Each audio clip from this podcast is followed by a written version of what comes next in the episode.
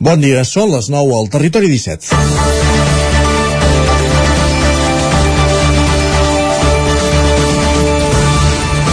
El context no ajuda. La ressaca de la pandèmia, la baixada del sofre independentista o el desprestigi de la política. Quan falta menys d'un any per les eleccions municipals, els partits polítics tenen problemes per trobar candidats, no només per encapçalar les llistes electorals, sinó per formar part d'alguna. La desafecció per la política creix, els partits tenen cada cop menys militants o associats i a les assemblees acaben sent sempre els mateixos. Tot i que la política municipal hauria de ser la que generés més interès per part dels ciutadans perquè és la més propera i on les decisions que es prenen acaben incidint de forma més directa en el dia a dia de la gent, això no està passant. Els partits reclamen que la gent s'impliqui, que canalitzi les crítiques des de la distància amb ganes de transformar des de dins el que creu que es pot millorar. Perdó, hi ha molts temes que marcaran l'agenda dels ajuntaments en els propers anys i que seran també el nucli de la campanya electoral del 2023. El de la seguretat n'és un, tal com s'ha vist en diversos municipis d'Osona, el Ripollès o el Vallès Oriental. Preocupa i genera debat i malestar. També el de l'habitatge, tant per les dificultats de trobar-ne d'assequible per part d'alguns sectors de la població, com pel problema de les ocupacions que generen alarma social i problemes de convivència.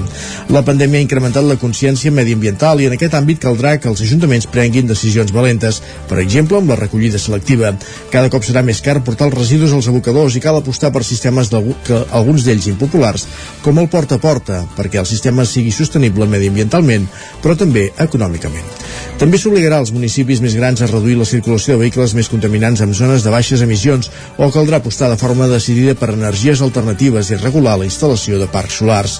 Seran aspectes dels quals sentirem a parlar en el proper any en la preparació de les llistes que governaran els ajuntaments fins al 2027. És dimarts, 14 de juny de 2022, comença el Territori 17 a la sintonia de Ràdio Cardedeu, Ona Codinenca, la veu de Sant Joan, Ràdio Vic, el 9 FM i el 9 TV. Territori 17, amb Isaac Moreno i Jordi Sunyer.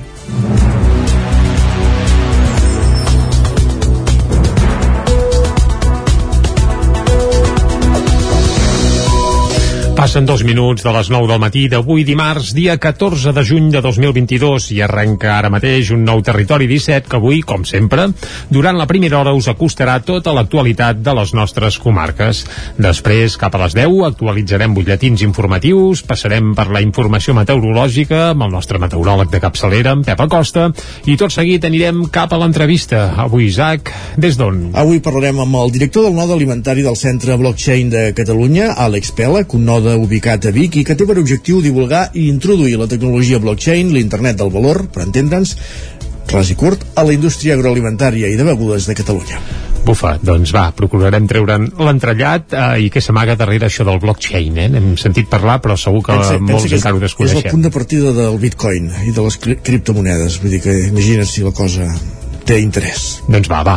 Uh, més detalls, això, durant l'entrevista a Territori 17. Més endavant, cap a dos quarts d'onze, serà el moment de les piulades. Tot seguit anirem a la taula de redacció i després meteorologia i medi ambient. Avui amb en Gil Salvans, tècnic de l'Agència de l'Energia d'Osona, parlarem, entre d'altres qüestions, sobre l'ús dels aires condicionats. Un mm. tema de moda ara mateix. A quina temperatura cal fixar-los?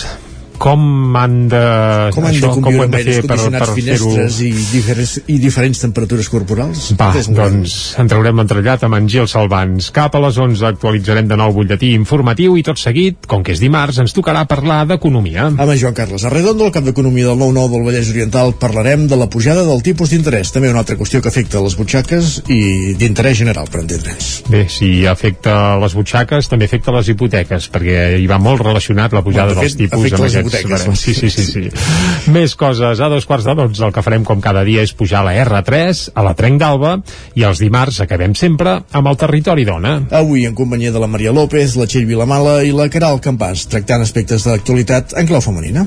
Doncs vinga, ara que ja hem estès tot el llençol del que farem des d'ara mateix i fins a les 12 del migdia, el que ens toca és arrencar i ho farem com sempre fent un repàs a l'actualitat de les nostres comarques. Ja ho sabeu, les comarques del Ripollès, Osona, el Moianès i el Vallès Oriental. Oriental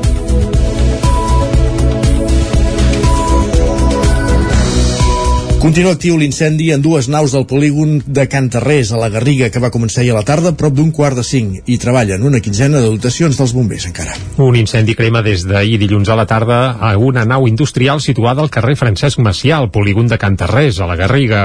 Els bombers van rebre l'avís cap a un quart de cinc de la tarda i treballen a la zona amb 15 dotacions. De moment no hi ha hagut cap persona afectada. Segons fons dels bombers, el foc afecta el magatzem d'una empresa que treballa en peces per a mobles amb, comp amb components de PV-C en concret, són instal·lacions de l'empresa Servi Cantó, segons ha pogut confirmar el 9-9. Inicialment, les, fa les flames es van propagar en una nau de dues plantes i des del carrer es podia veure com cremava amb intensitat a l'interior. Posteriorment, les flames van acabar afectant també una segona nau. El foc va generar una columna de fum negre visible des de força quilòmetres de distància. Protecció Civil informava ahir a la tarda que havien rebut prop de 150 trucades al 112 alertant del foc. Al lloc també hi actua la policia local de la Garriga i altres cossos d'emergències com el grup local de Protecció Civil. També es va tallar el trànsit a carrers de la zona per facilitar la tasca dels bombers. El foc també va obligar a suspendre l'activitat esportiva d'entrenaments d'entitats com el Club Bàsquet La Garriga, a la pista coberta de Canilla, molt propera a la nau sinistrada. Els bombers han informat aquest matí que el foc continua actiu. S'ha fet estratègia defensiva per evitar la propagació a naus adjacents déu nhi el, el dia de successos ahir al Vallès Oriental, un incendi d'un camió forma cues quilomètriques de l'AP7 a Sant Celoni. Les cues van ser d'uns 7 quilòmetres ahir dilluns, desviant el trànsit per la sortida 11 cap a la C35. Núria Lázaro, des de Ràdio Televisió, Cardedeu. L'incendi d'un camió obligava a tallar durant poc més d'una hora aquest dilluns al matí l'autopista AP7 a l'altura de Sant Celoni i en direcció nord. Cap a un quart de 12 del migdia, però ja es va poder reobrir dos dels tres carrils de la via, segons el Servei Català de Trànsit. El foc ha afectat les rodes del vehicle i s'ha escampat cap a la càrrega. L'incendi s'ha localitzat a l'altura del quilòmetre 108,5 de la P7 a l'altura de Sant Celoni. Segons el Servei Català de Trànsit, trànsit, des d'un quart d'onze del matí la carretera estava totalment tallada en direcció nord. Inicialment hi havia uns 3,5 quilòmetres de cua, però es van anar eixamplant i cap a dos quarts de 12 al migdia arribaven a 7 quilòmetres. Els Mossos desviaven així el trànsit per la sortida 11 cap a la C35 a l'altura de Sant Celoni i es proposava l'ús de la C35 fins a Hostalric com a alternativa per als vehicles que anaven en direcció nord. Cap a les dues del migdia la caiguda d'un arbre a la calçada en sentit Barcelona a l'altura de Llinars tornava a complicar la circulació a la P7. Va va caldre tallar els dos carrils de l'autopista. La setmana passada l'incendi d'un camió a Barberà també va mantenir col·lapsada l'autopista durant diverses hores, tot plegat mentre es busquen solucions als col·lapses constants. Trànsit i la DGT negocien la reducció de la velocitat màxima a 5 km per hora al tram del Vallès i el Ministeri de Transports ha anunciat 78 milions d'inversió en millores en 6 punts, dos al Vallès Oriental. Més qüestions, encara un altre accident, en aquest cas entre un camió i una moto prop de la urbanització de Can Regassol, als afores de Caldes de Montbui, en direcció a Granollers, va deixar ahir un ferit crític. On acudirem que el campàs? Una persona ha resultat ferida crítica en un accident entre un camió i una moto que ha tingut lloc aquest dilluns a la tarda a la carretera C1445B, a l'alçada del quilòmetre 2 en direcció a Granollers. Segons ha informat el Servei Català de Trànsit, el cos sanitari ha traslladat la víctima en estat crític a l'Hospital Sant Pau en un helicòpter medicalitzat. Anna R, l'alcaldessa de Vic, aposta perquè el seu relleu com a cap de llista de Junts per Catalunya surti de l'actual grup municipal. Recorda, tot i així, que hi podrà optar qualsevol persona del partit que presenti els avals a l'assemblea prevista per aquest dijous. En una entrevista concedida al 9-9 i al 9-TV, Anna R deixava ben clar que aposta perquè el seu relleu l'agafi algun dels regidors que ja forma part de l'actual grup municipal. L'escoltem. Tinc un equip molt potent, eh, moltes persones podrien ser possibles doncs, candidats a l'alcaldia i em sembla que qui es vegi amb cor i es presenti dijous i tindrà doncs, el meu suport al, al, al costat. R també va parlar del seu futur a la política i va explicar que quan deixi l'Ajuntament la seva intenció és continuar com a diputada de Junts al Parlament. Com he acabat sent alcaldessa, que tampoc m'ho pensava, eh, tampoc sé què em pot venir, eh, perquè sempre em diuen, ah, et sortirà alguna cosa, no ho sé, i a dia d'avui no hi ha res, i sempre penso, poder tenir un temps encara de diputada per fer aquesta com desenganxament no, de la ciutat i tornar, a mi no em desagradaria gens tornar a l'escola perquè jo he disfrutat molt, em sento m'agrada molt la meva professió, me l'estimo molt i tornar a acabar com eh, la meva etapa allà, doncs eh, per mi seria una gran cosa. R també és vicepresidenta de Junts per Catalunya en la direcció sorgida del Congrés fet fa pocs dies a Argelers. La Generalitat ret homenatge als represaliats pel franquisme a Tona en un acte motiu i carregat de simbolisme que es va fer dissabte al Camp de les Llosses. A Tona hi consten 32 víctimes del franquisme i dissabte 12 famílies van rebre el certificat de nulitat dels judicis sumaríssims, els quals els van sotmetre als tribunals feixistes. Les notes de l'emigrant, interpretades per alumnes de l'Escola Municipal de Música de Tona, van sonar just abans que la Generalitat lliurés a les famílies de 12 víctimes del franquisme el certificat oficial de nulitat dels judicis sumaríssims. L'acte, que es va fer dissabte al vespre al camp de les Lloses de Tona servia per reconèixer i restituir les 32 víctimes del franquisme que hi va haver al municipi. Ho explicava Antoni Font, director general de Memòria Democràtica. És un acte que arriba tard, molt tard, massa tard. Segurament s'hauria d'haver fet molt abans, però tampoc es podia fer perquè tampoc es tenia aquesta informació sobre els sumaríssims i no va ser fins l'any 2017 amb la llei de reparació jurídica on eh, la Generalitat a través del Departament de Justícia doncs pren el compromís de fer aquest acte de reconeixement de les persones represaliades durant la dictadura franquista. Del total de 32 represaliats tonencs, 12 familiars van rebre dissabte de primera mà el certificat. Un d'ells va ser Cinto Creus, nebot de Jacint Creus, que encara recordava com s'havien endut el seu oncle. Estava vivint a casa amb nosaltres, amb el meu, el meu pare i el seu germà i el van venir a buscar. I deien que si vigilava la gent que, que, que és el, el comitè i tot això però no era veritat, no, no o sigui, era un bon home per mi. I com que a casa meva teníem cabres i això deia, ja aviat vindré i vindré de cabres.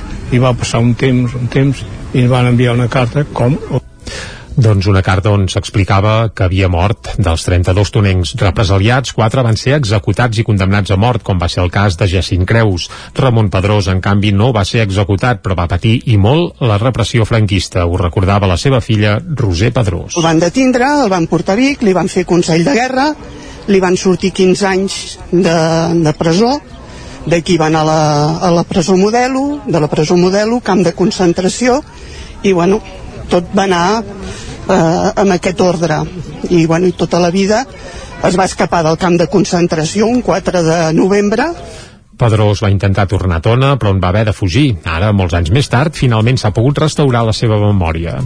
La pena, que a veure, és, és inevitable, és que ells no hi puguin ser, per això estem a les famílies. Eh, perquè és un, com una espina clavada que jo crec que avui tanquem. Durant l'acte de dissabte aplanava que el reconeixement i la reparació de les sentències arriba tard perquè els represaliats ja no hi són. Sigui com sigui, però, el clam era unànime. Cal fer molta pedagogia i evitar de totes totes que es blanquegi el que va representar la dictadura franquista. Esports. Oriol Cardona conquereix el triplet a l'olla de Núria i, o i Oihana Cortázar venç en la categoria femenina. Isaac Muntades, la veu de Sant Joan. El corredor banyolí Oriol Cardona va aconseguir la seva tercera victòria a l'Olla de Núria després de les del 2018 i 2019 en la prova organitzada per la Unió Excursionista de Vic, que va reunir més de 600 participants entre totes les categories. El corredor català va tardar 2 hores 12 minuts i 37 segons a completar els 21 quilòmetres del recorregut. Cardona va pujar fins al Puigmal acompanyat per Ionet, un atleta de la categoria júnior, però després ja va passar tot sol pel coll de Finestrelles. Cardona va millorar la seva marca personal en 8 minuts, però no va superar el rècord de la prova. Podem escoltar escoltar les seves sensacions quan va acabar la cursa. Sí, venia amb moltes ganes, la veritat és que he sortit a un bon ritme per... Sé que fer el rècord estava molt difícil, sobretot després del temps que vam fer l'any passat, però he intentat, ho he intentat, i he sortit ràpid, he acabat patant una mica al final, i he acabat, bueno, fent 2.12 llargs, però bueno, estic contentíssim perquè he millorat la meva marca bastants minuts. O sigui, al País Basc tenen Cegama i a Catalunya tenim l'Olla de Núria, i si ha de ser. El podi masculí el van completar Antoni Martínez i Ricardo Xerta, que van arribar a més de 5 minuts de diferència del guanyador. En la categoria femenina la cursa va ser més disputada disputada, però l'atleta basca Ollana Cortázar va ser la vencedora amb un crono de 2 hores 42 minuts i 11 segons. La corredora guipuscoana va haver de suar per endur-se el triomf i va tenir diversos contratemps que van fer perillar la seva victòria. Tenía muchísimas dudas sobre mí misma, sobre si aguantaría o no hasta el final en primera posición. El comienzo de carrera me beneficia mucho porque a mí me gusta subir y bueno, digamos que, que me, se me da bien subir, ¿no? En, en pendientes tan verticales, pero claro, después queda mucho de carrera, además zonas muy muy técnicas en las que yo contaba con que antes o después algún me pasara. Pasarme no, pero acercarse muchísimo. Sí que se ha acercado Malenosa, quien ha terminado segunda.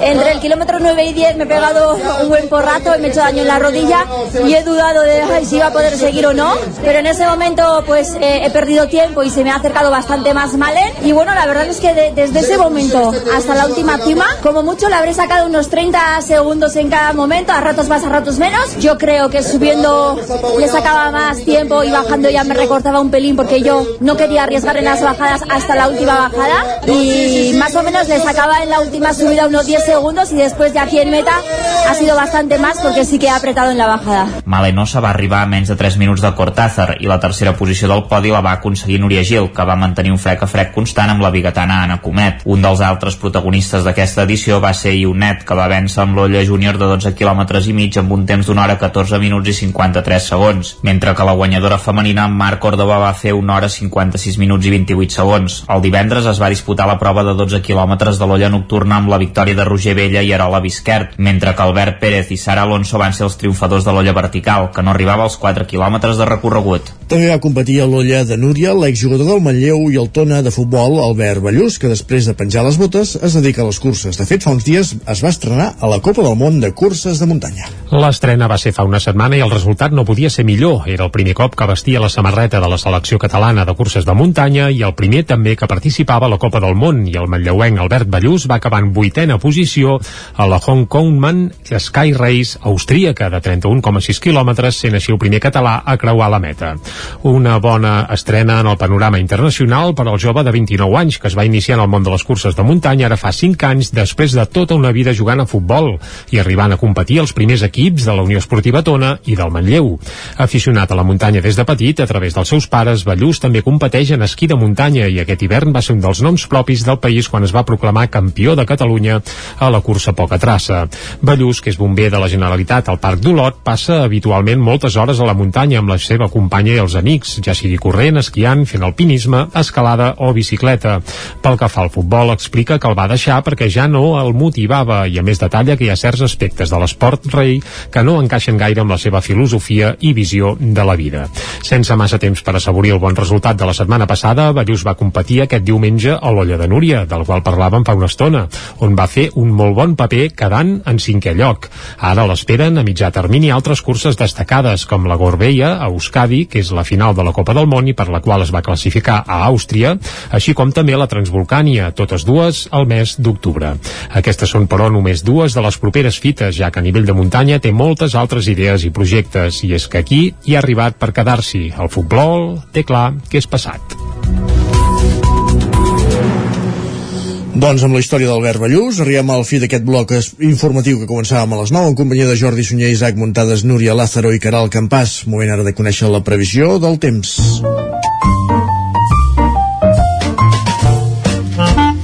Casa Terradellos us ofereix el temps. Vinga, i per parlar del temps tenim en Pep Acosta. Ja el saludem. Bon dia, Pep.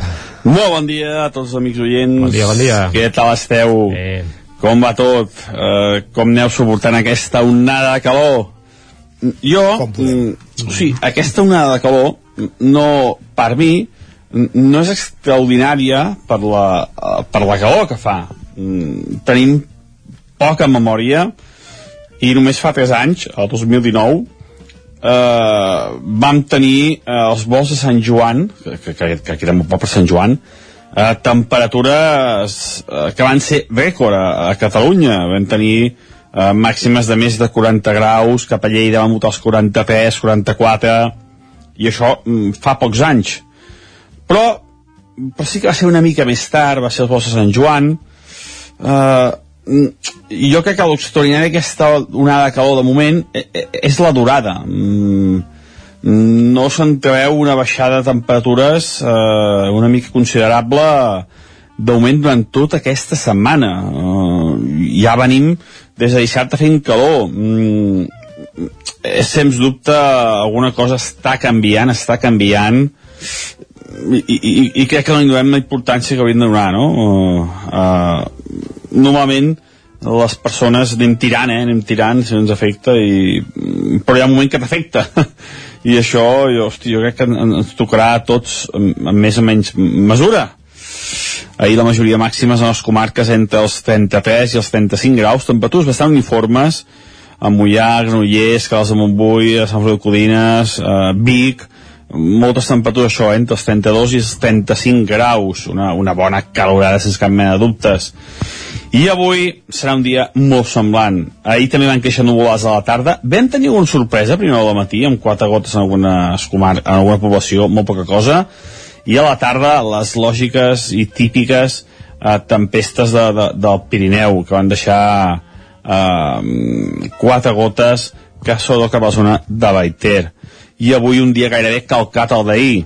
Mm, al principi, de moment al matí molt de sol i a la tarda creixement de nuvolades.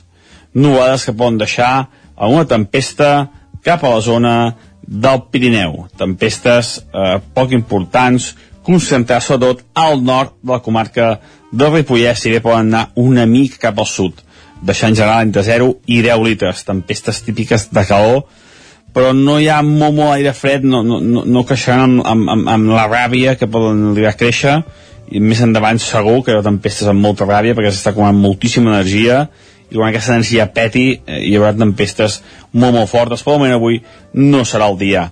I avui les temperatures una mica més altes. Tenim aquest matalàs eh, d'aire calent a uns 1.600 metres que haurien de tenir una temperatura ara mateix uns 14-15 graus la, hauria de ser la normal doncs estem uns 24-25 i, i es va concentrant la calor en aquesta zona a uns 1.600 metres d'alçada i aquest matalàs d'aire calent que fa que tot, tot, tot pugi eh? és, com, és com una és com una bombolla, una bombolla que puja de l'Àfrica i que ens afecta literalment de ple i avui les màximes això, jo crec que cada un o dos graus més altes que les d'ahir si ahir la majoria van ser entre els 32 i els 35 graus avui entre els 34 i els 36 eh, fluctuaran aquestes temperatures i, i afectarà a totes les comarques eh? a, a les capitals de comarca Ripoll, Vic eh, Mollà, Granollers voltant aquests valors entre els 34, 35, 36 graus i a la majoria de les poblacions eh, moltíssima calor i a intentar de suportar-la de la millor manera possible eh? que és molt diferent uh, aquesta calor, si estàs de vacances o això, que si estàs treballant, eh? no té res a veure una cosa amb l'altra. Els que estiguin de vacances se suportareu millor que no pas els que estem, els que estem treballant. Bueno, això, en definitiva, moltíssima calor, i, i que no, no, no, veig el, no veig el fi, no veig la fi en els mapes, cada mapa que veig eh, és com si s'allargués l'onada de calor i estigui una mica que, que ja no sé què pensar. No Moltíssimes mapes. gràcies, adeu. No miris mapes, Pep. Ai, malalt, no el tenim espantat, sí, sí, i acalorat, sembla, i em sembla, a més, que n'hi ha per dies. Per tant, salut i paciència. Anem, anem al quiosc. al quiosc. Vinga, va, anem. Casa Tarradellas us ha ofert aquest espai. No és saber què diuen les portades dels diaris. Avui és dimarts, per tant, deu tocar començar pel punt avui. Correcte. I el titular principal és l'escull de la inversió. Esquerra Republicana vincula el suport dels comptes de l'Estat a l'acceleració d'infraestructures. I Junts retreu a foment propostes sense finançament com ara la de la B40. Calviño, pel seu costat, diguem que acusarà el govern català de poca col·laboració per invertir. Per tant, la culpa que aquí no s'inverteixi no res i d'allò és cadascú s'ho treu de sobre la i la culpa és de l'altre. La culpa és. Va, la fotografia al punt avui, per això no és per la manca d'inversions, sinó que és per Antònia Vicenç, que ahir va rebre el Premi d'Honor de les Lletres Catalanes i titulen De gana i transformadora, i se la veu en una fotografia exultant, doncs rebent eh, els aplaudiments d'en peus del públic complia ahir al Palau de la Música Catalana. També comença la selectivitat amb la tria de llengua per a les preguntes i els lletrats del Congrés a favor de la inviolabilitat del rei. Per tant, el rei pot fer el que vulgui. Més coses, anem cap a l'ara, titular principal per la candidatura dels Jocs d'hivern, que diu contra les cordes. Per tant, aviam si al final no hi haurà candidatura.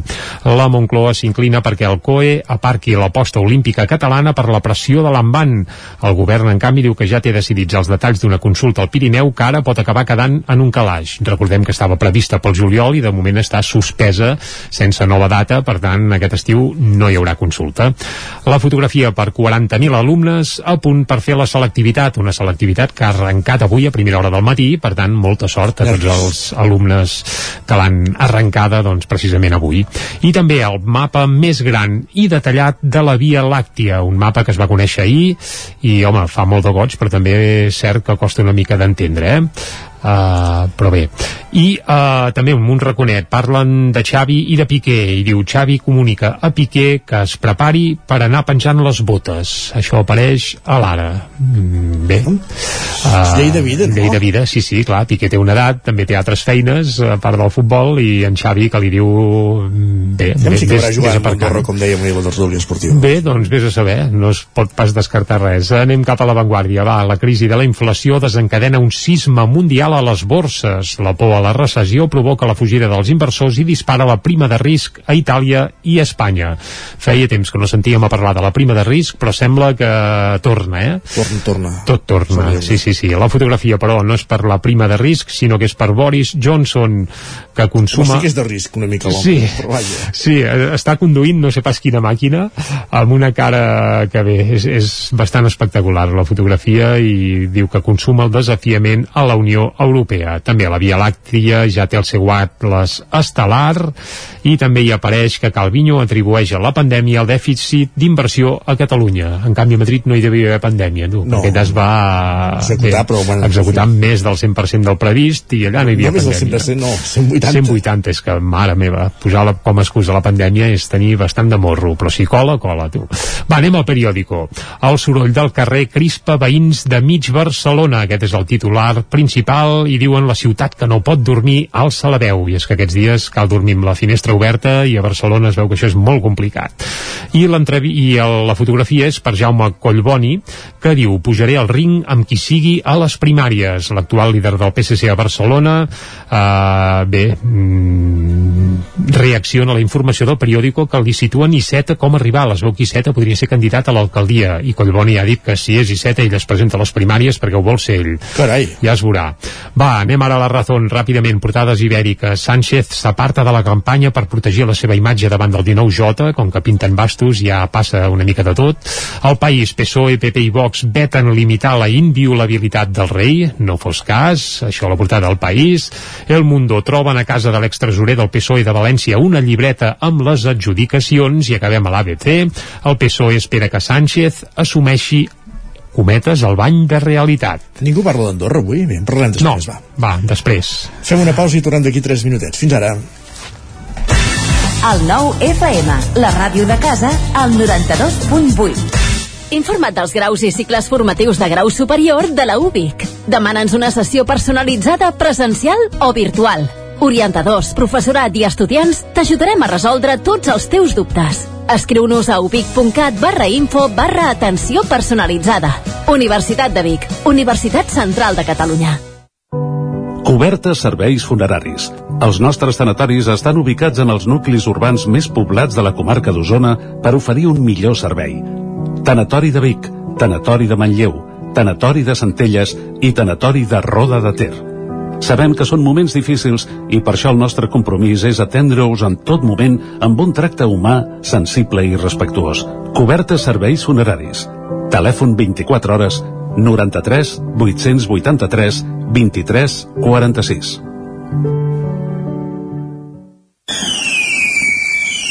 Ja tenim aquí la rebella de Sant Joan. Prepara't! A Manli seleccionem el millor en pirotècnia, bateries, bengales, trons, coets. Els millors preus, ofertes tots els dies de rebella i tot l'any. Visiteu el catàleg a manli.cat. Manli, al carrer Ramon Soler, telèfon 93 889 0484. Vic, Sant Joan, ja és aquí.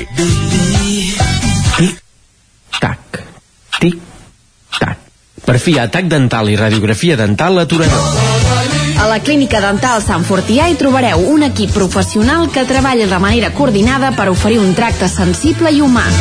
Estem preparats per qualsevol urgència dental i oferim accions preventives per la tercera edat i els infants.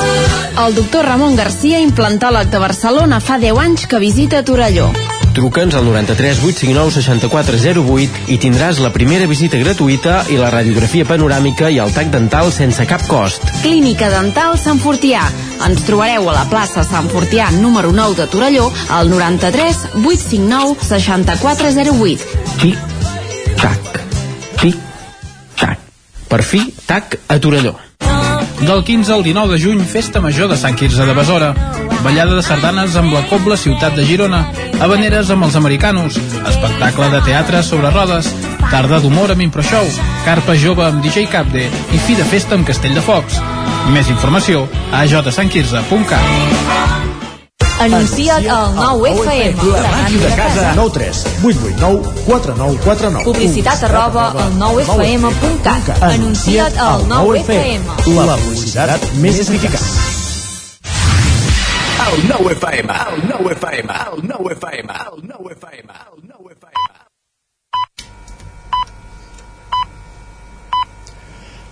Clavats, dos quarts de deu al territori 17. Territori 17, amb Isaac Moreno i Jordi Sunyer.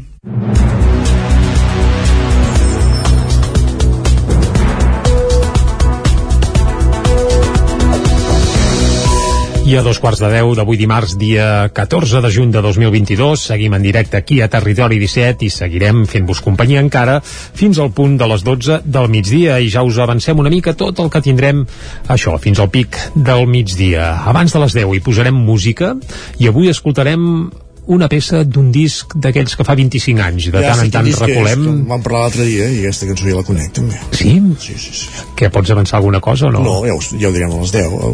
Abans de les 10, no? Va, diem que és d'una patum, eh? d'un astre sí. uh, intercomarcal, va, no, no diem res més. Això abans de les 10, va. A les 10 actualitzarem butlletí informatiu i tot seguit a l'entrevista parlarem, uh, abans ens ho deies, eh? blockchain, Isaac? Correcte, de blockchain, de la tecnologia blockchain, de la seva aplicació a la indústria agroalimentària, que de fet és un dels objectius del node alimentari del Centre Blockchain de Catalunya, un node ubicat a Vic i impulsat per la Càmera de Comerç i el Departament de Polítiques Digitals de la Generalitat. Com dèiem, té per objectiu divulgar i introduir la tecnologia blockchain, l'internet del valor la indústria alimentària i de begudes de Catalunya, i de tot plegat en parlarem amb el director d'aquest node de Vic, que és l'Àlex Pèlac. Doncs vinga, tots els detalls d'aquesta experiència a l'entrevista d'avui. A dos quarts d'onze, en punt. Arribarà en Guillem Sánchez, repassarem unes quantes piulades, tot seguit a la taula de redacció i després qui ens visitarà és en Gil Salvans. El tècnic de l'Agència de l'Energia d'Osona, com fa un cop al mes, ens visita la secció de Medi Ambient i Natura i avui per parlar d'aires condicionats, d'aïllaments, de, en fi, de com evitar al màxim La calor, la calor. la calor d'una banda i, I, amb la el màxim, i amb la màxima eficiència energètica. Correcte, correcte. On, a on s'ha de posar l'aire condicionat? A Demanarem un 23, a 24, a 19, a 27. 3, 20... Ai, ai, ai. Bé, li demanarem, i tant que sí. Això serà el primer que li demanarem. Però, Va. I la calefacció a l'hivern? Perquè clar, aquesta és l'altra, eh? Uh, clar, és que ara estem parlant molt d'aire condicionats, però també Sí. hem de pensar en calderes. Però ara ens queda tan lluny la caldera que de moment ho arrencarem La- la parlant d'aire condicionat. Sí, sí, sí. Va, a les 11 actualitzarem de nou butlletins informatius i després, com cada dimarts, que el que farem és conversar amb en Joan Carles Arredondo. El cap d'Economia del 9-9 del Vallès Oriental a la secció d'Economia del Territori 17 dels dimarts per parlar avui dels tipus d'interès. Vinga, ell és un tipus d'interès, el Ell Joan sí. Carles. Perdoneu, eh, per la broma. Va, a dos quarts de dotze. Que A de la fet també era aquella banda de música que, que Sí, en Jo- Joan Dausà, al principi de tot, el primer disc que tenia era Joan Dausà i els tipus d'interès. Després va perdre el cognom de la banda i es va quedar ell sol. Bé, sol no, perquè va acompanyat amb músics, però, però bé, no té banda batejada. Ara Va, va, ara va amb la cosina de risc. Ah, ja està, va, som-hi. Ui, ui, ui, ui. A dos quarts de dotze va a la Trenc d'Alba, la R3, com cada dia pujarem al tren i tot seguit, els dimarts, ja sabeu que acabem sempre amb el Territori Dona. Avui amb la Maria López, la Txell Vilamala i la Caral Campàs per parlar de qüestions de l'actualitat relacionades o des del punt de vista femení. Doncs vinga, ara que ja estem situats, seguim i ho farem, com sempre, acostant-vos l'actualitat de les nostres comarques. Ja ho sabeu, les comarques del Ripollès, Osona, el Moianès i el Vallès Oriental. Continua actiu l'incendi en dues naus del polígon de Cantarrés, a la Garriga, que va començar ahir a la tarda, prop d'un quart de cinc, i treballen una quinzena de dotacions dels bombers encara. Un incendi crema des d'ahir dilluns a la tarda a una nau industrial situada al carrer Francesc Macià, al polígon de Cantarrés, a la Garriga. Els bombers van rebre l'avís cap a un quart de cinc de la tarda i treballen a la zona amb 15 dotacions. De moment no hi ha hagut cap persona afectada. Segons fons dels bombers, el foc afecta el magatzem d'una empresa que treballa en peces per a mobles amb, compo amb components de PV-C C. En concret, són instal·lacions de l'empresa Servi Cantó, segons ha pogut confirmar el 9-9. Inicialment, les, fa les flames es van propagar en una nau de dues plantes i des del carrer es podia veure com cremava amb intensitat a l'interior. Posteriorment, les flames van acabar afectant també una segona nau. El foc va generar una columna de fum negre visible des de força quilòmetres de distància. Protecció Civil informava ahir a la tarda que havien rebut prop de 150 trucades al 112 alertant del foc. Al lloc també hi actua la policia local de la Garriga i altres cossos d'emergències com el grup local de Protecció Civil. També es va tallar el trànsit a carrers de la zona per facilitar la tasca dels bombers. El foc també va obligar a suspendre l'activitat esportiva d'entrenaments d'entitats com el Club Bàsquet La Garriga a la pista coberta de Canilla, molt propera a la nau sinistrada sinistrada. Els bombers han informat aquest matí que el foc continua actiu. S'ha fet estratègia defensiva per evitar la propagació a naus adjacents. déu nhi el dia de successos ahir al Vallès Oriental, un incendi d'un camió forma cues quilomètriques a l'AP7 a Sant Celoni. Les cues van ser d'uns 7 quilòmetres ahir dilluns, desviant el trànsit per la sortida 11 cap a la C35. Núria Lázaro, des de Ràdio Televisió, Cardedeu. L'incendi d'un camió obligava a tallar durant poc més d'una hora aquest dilluns al matí l'autopista AP7 a l'altura de Sant Celoni i en direcció nord. Cap a un quart de 12 del migdia, però ja es va poder reobrir dos dels tres carrils de la via, segons el Servei Català de Trànsit. El foc ha afectat les rodes del vehicle i s'ha escampat cap a la càrrega. L'incendi s'ha localitzat a l'altura del quilòmetre 108,5 de la P7 a l'altura de Sant Celoni. Segons el Servei Català de Trànsit, trànsit, des d'un quart d'onze del matí la carretera estava totalment tallada en direcció nord. Inicialment hi havia uns 3,5 quilòmetres de cua, però es van anar eixamplant i cap a dos quarts de 12 al migdia arribaven a 7 quilòmetres. Els Mossos desviaven així el trànsit per la sortida 11 cap a la C35 a l'altura de Sant Celoni i es proposava l'ús de la C35 fins a Hostalric com a alternativa per als vehicles que anaven en direcció nord. Cap a les dues del migdia la caiguda d'un arbre a la calçada en sentit Barcelona a l'altura de Llinars tornava a complicar la circulació a la P7 va caldre tallar els dos carrils de l'autopista.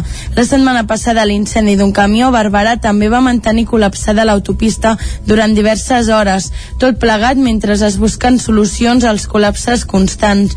Trànsit i la DGT negocien la reducció de la velocitat màxima a 5 km per hora al tram del Vallès i el Ministeri de Transports ha anunciat 78 milions d'inversió en millores en 6 punts, dos al Vallès Oriental. Més qüestions, encara un altre accident, en aquest cas entre un camió i una moto prop de la urbanització de Can Regassol, als afores de Caldes de Montbui, en direcció a Granollers, va deixar ahir un ferit crític. On acudirem que quedar el campàs? Una persona ha resultat ferida crítica en un accident entre un camió i una moto que ha tingut lloc aquest dilluns a la tarda a la carretera C1445B, a l'alçada del quilòmetre 2 en direcció a Granollers. Segons ha informat el Servei Català de Trànsit, el cos sanitari ha traslladat la víctima en estat crític a l'Hospital Sant Pau en un helicòpter medicalitzat. Anna R, l'alcaldessa de Vic, aposta perquè el seu relleu com a cap de llista de Junts per Catalunya surti de l'actual grup municipal. Recorda, tot i així, que hi podrà optar qualsevol persona del partit que presenti els avals a l'assemblea prevista per aquest dijous. En una entrevista concedida al 9-9 i al 9-TV, Anna R deixava ben clar que aposta perquè el seu relleu l'agafi algun dels regidors que ja forma part de l'actual grup municipal. L'escoltem. Tinc un equip molt potent, eh, moltes persones podrien ser possibles doncs, candidats a l'alcaldia i em sembla que qui es vegi amb cor i es presenti dijous i tindrà doncs, el meu suport al, al, al costat. R també va parlar del seu futur a la política i va explicar que quan deixi l'Ajuntament la seva intenció és continuar com a diputada de Junts al Parlament. Com he acabat sent alcaldessa, que tampoc m'ho pensava, eh, tampoc sé que em pot venir, eh, perquè sempre em diuen, ah, et sortirà alguna cosa, no ho sé, i a dia d'avui no hi ha res, i sempre penso, poder tenir un temps encara de diputada per fer aquesta com desenganxament no, de la ciutat i tornar, a mi no em desagradaria gens tornar a l'escola perquè jo he disfrutat molt, em sento m'agrada molt la meva professió, me l'estimo molt i tornar a acabar com eh, la meva etapa allà, doncs eh, per mi seria una gran cosa. R també és vicepresidenta de Junts per Catalunya en la direcció sorgida del Congrés fet fa pocs dies a Argelers. La Generalitat ret homenatge als represaliats pel franquisme a Tona en un acte motiu i carregat de simbolisme que es va fer dissabte al Camp de les Llosses. A Tona hi consten 32 víctimes del franquisme i dissabte 12 famílies van rebre el certificat de nulitat dels judicis sumaríssims, els quals els van sotmetre als tribunals feixistes. Les notes de l'emigrant, interpretades per alumnes de l'Escola Municipal de Música de Tona, van sonar just abans que la Generalitat lliurés a les famílies de 12 víctimes del franquisme el certificat oficial de nulitat dels judicis sumaríssims. L'acte, que es va fer dissabte al vespre al Camp de les Lloses de Tona, servia per reconèixer i restituir les 32 víctimes del franquisme que hi va haver al municipi. Ho explicava Antoni Font, director general de Memòria Democràtica. És un acte que arriba tard, molt tard, massa tard. Segurament s'hauria d'haver fet molt abans, però tampoc es podia fer perquè tampoc es tenia aquesta informació sobre els sumaríssims i no va ser fins l'any 2017 amb la llei de reparació jurídica on eh, la Generalitat a través del Departament de Justícia doncs pren el compromís de fer aquest acte de reconeixement de les persones represaliades durant la dictadura franquista. Del total de 32 represaliats tonencs, 12 familiars van rebre dissabte de primera mà el certificat. Un d'ells va ser Cinto Creus, nebot de Jacint Creus, que encara recordava com s'havien endut el seu oncle. Estava vivint a casa amb nosaltres, amb el meu, el meu pare i el seu germà, i el van venir a buscar i deien que si vigilava la gent que, que, que és el, el comitè i tot això però no era veritat no, no o sigui, era un bon home per mi. I com que a casa meva teníem cabres i això deia, ja aviat vindré i vindré de cabres. I va passar un temps, un temps i ens van enviar una carta com doncs una carta on s'explicava que havia mort dels 32 tonencs represaliats, quatre van ser executats i condemnats a mort, com va ser el cas de Jacint Creus. Ramon Pedrós, en canvi, no va ser executat, però va patir i molt la repressió franquista. Ho recordava la seva filla, Roser Pedrós. El van detindre, el van portar a Vic, li van fer Consell de Guerra, li van sortir 15 anys de, de presó, d'aquí van a la, a la presó Modelo, de la presó Modelo, camp de concentració, i bueno, tot va anar eh, en aquest ordre i, bueno, i tota la vida es va escapar del camp de concentració un 4 de novembre Pedrós va intentar tornar a Tona, però en va haver de fugir. Ara, molts anys més tard, finalment s'ha pogut restaurar la seva memòria.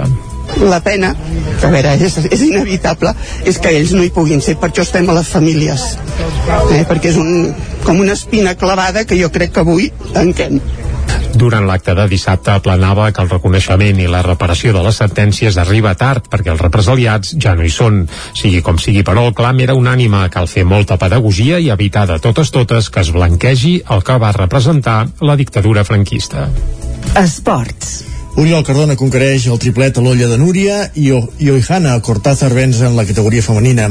Isaac Muntades, la veu de Sant Joan.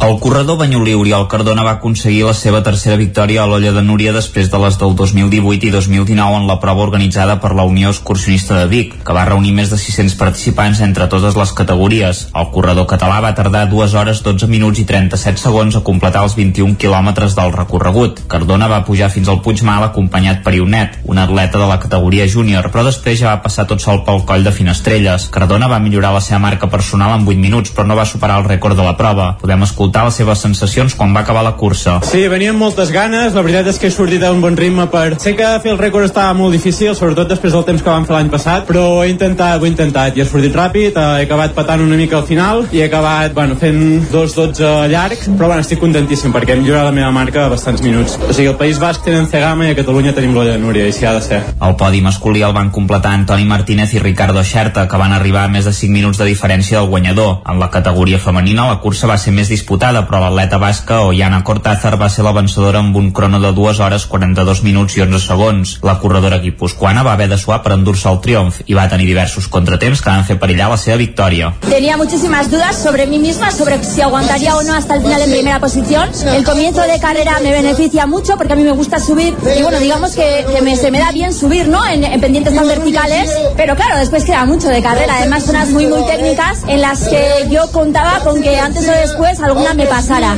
Pasarme no, pero acercarse muchísimo sí que se ha acercado Malenosa, quien ha terminado segunda. Entre el kilómetro 9 y 10 me he pegado un buen porrazo, me he hecho daño en la rodilla y he dudado de ay, si iba a poder seguir o no. Pero en ese momento pues eh, he perdido tiempo y se me ha acercado bastante más Malen. Y bueno, la verdad es que de- desde ese momento hasta la última cima, como mucho le habré sacado unos 30 segundos en cada momento, a ratos más, a ratos menos. Yo creo que subiendo le sacaba más tiempo y bajando ya me recortaba un pelín porque yo no quería arriesgar en las bajadas hasta la última bajada y más o menos le sacaba en la última subida unos 10 segundos y después de aquí en meta ha sido bastante más porque sí que he apretado en la bajada. Malenosa va arribar a menys de 3 minuts de Cortázar i la tercera posició del podi la va aconseguir Núria Gil, que va mantenir un frec a frec constant amb la bigatana Anna Comet. Un dels altres protagonistes d'aquesta edició va ser Ionet, que va vèncer amb l'Olla Júnior de 12 km i mig amb un temps d'una hora 14 minuts i 53 segons, mentre que la guanyadora femenina Marc Córdoba va fer una hora 56 minuts i 28 segons. El divendres es va disputar la prova de 12 quilòmetres de l'Olla Nocturna amb la victòria de Roger Vella i Arola Bisquert, mentre que Albert Pérez i Sara Alonso van ser els triomfadors de l'Olla Vertical, que no arribava als 4 quilòmetres de recorregut. També va competir a l'olla de Núria, l'exjugador del Manlleu i el tona de futbol Albert Ballús, que després de penjar les botes es dedica a les curses. De fet, fa uns dies es va estrenar a la Copa del Món de curses de muntanya. L'estrena va ser fa una setmana i el resultat no podia ser millor. Era el primer cop que vestia la samarreta de la selecció catalana de curses de muntanya i el primer també que participava a la Copa del Món i el manlleuenc Albert Ballús va acabar en vuitena posició a la Hong Kongman Sky Race austríaca de 31,6 quilòmetres sent així el primer català a creuar la meta. Una bona estrena en el panorama internacional per al jove de 29 anys que es va iniciar en el món de les curses de muntanya ara fa 5 anys després de tota una vida jugant a futbol i arribant a competir als primers equips de la Unió Esportiva Tona i del Manlleu. Aficionat a la muntanya des de petit, a través dels seus pares, Ballús també competeix en esquí de muntanya i aquest hivern va ser un dels noms propis del país quan es va proclamar campió de Catalunya a la cursa poca traça. Ballús, que és bomber de la Generalitat al Parc d'Olot, passa habitualment moltes hores a la muntanya amb la seva companya i els amics, ja sigui corrent, esquiant, fent alpinisme, escalada o bicicleta.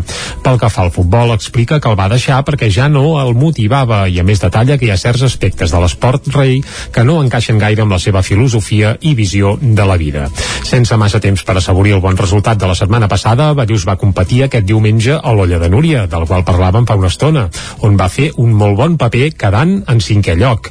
Ara l'esperen a mitjà termini altres curses destacades, com la Gorbella, a Euskadi, que és la final de la Copa del Món i per la qual es va classificar a Àustria, així com també la Transvolcània, totes dues al mes d'octubre. Aquestes són, però, només dues de les properes fites, ja que a nivell de muntanya té moltes altres idees i projectes, i és que aquí hi ha arribat per quedar-s'hi. El futbol té clar que és passat. Doncs amb la història d'Albert Ballús arribem al fi d'aquest bloc informatiu que començàvem a les 9 en companyia de Jordi Sunyer, Isaac Muntades, Núria Lázaro i Caral Campàs. Moment ara de conèixer la previsió del temps.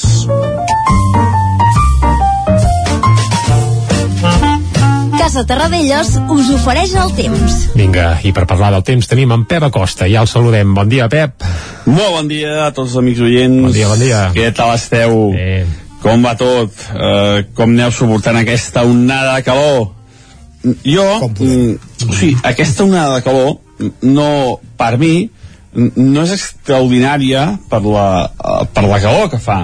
Mm, tenim poca memòria i només fa 3 anys, el 2019, eh, vam tenir eh, els vols de Sant Joan, que, que, que, queda molt poc per Sant Joan, eh, temperatures eh, que van ser rècord a, a Catalunya. Vam tenir eh, màximes de més de 40 graus, cap a Lleida vam votar els 43, 44, i això mm, fa pocs anys. Però, però sí que va ser una mica més tard, va ser els vols de Sant Joan, eh, jo crec que l'extraordinari d'aquesta onada de calor de moment eh, eh, és la durada. Mm, no s'entreveu una baixada de temperatures eh, una mica considerable d'augment durant tota aquesta setmana. Eh, ja venim des de dissabte fent calor. Mm, eh, sens dubte alguna cosa està canviant està canviant i, i, i crec que no li donem la importància que hauríem de donar no? Uh, normalment les persones anem tirant, eh? anem tirant si no ens afecta i, però hi ha un moment que t'afecta i això jo, hosti, jo crec que en- ens tocarà a tots amb, més o menys mesura ahir la majoria màximes en les comarques entre els 33 i els 35 graus, temperatures bastant uniformes, a Mollà, Granollers, Caldes de Montbui, a Sant Feliu de Codines, eh, Vic, moltes temperatures això, entre els 32 i els 35 graus, una, una bona calorada sense cap mena de dubtes. I avui serà un dia molt semblant. Ahir també van créixer nuvolades a la tarda. Vam tenir una sorpresa hora del matí, amb quatre gotes en, algunes comar en alguna població, molt poca cosa, i a la tarda les lògiques i típiques eh, tempestes de, de, del Pirineu, que van deixar eh, quatre gotes que són cap a la zona de Baiter i avui un dia gairebé calcat al d'ahir. Mm, al principi, de moment al matí molt de sol i a la tarda creixement de nuvolades. Nuvolades que poden deixar alguna tempesta cap a la zona del Pirineu. Tempestes eh, poc importants concentrar sobretot al nord de la comarca del Ripollès si bé poden anar una mica cap al sud deixant general entre 0 i 10 litres. Tempestes típiques de calor però no hi ha molt, molt aire fred, no, no, no, no creixeran amb, amb, amb, amb la ràbia que poden arribar a créixer, i més endavant segur que hi haurà tempestes amb molta ràbia perquè s'està acumulant moltíssima energia i quan aquesta energia peti eh, hi haurà tempestes molt molt fortes però moment avui no serà el dia. I avui les temperatures una mica més altes. Tenim aquest matalàs eh, d'aire calent a uns 1.600 metres que haurien de tenir una temperatura ara mateix uns 14-15 graus la, la, hauria de ser la normal.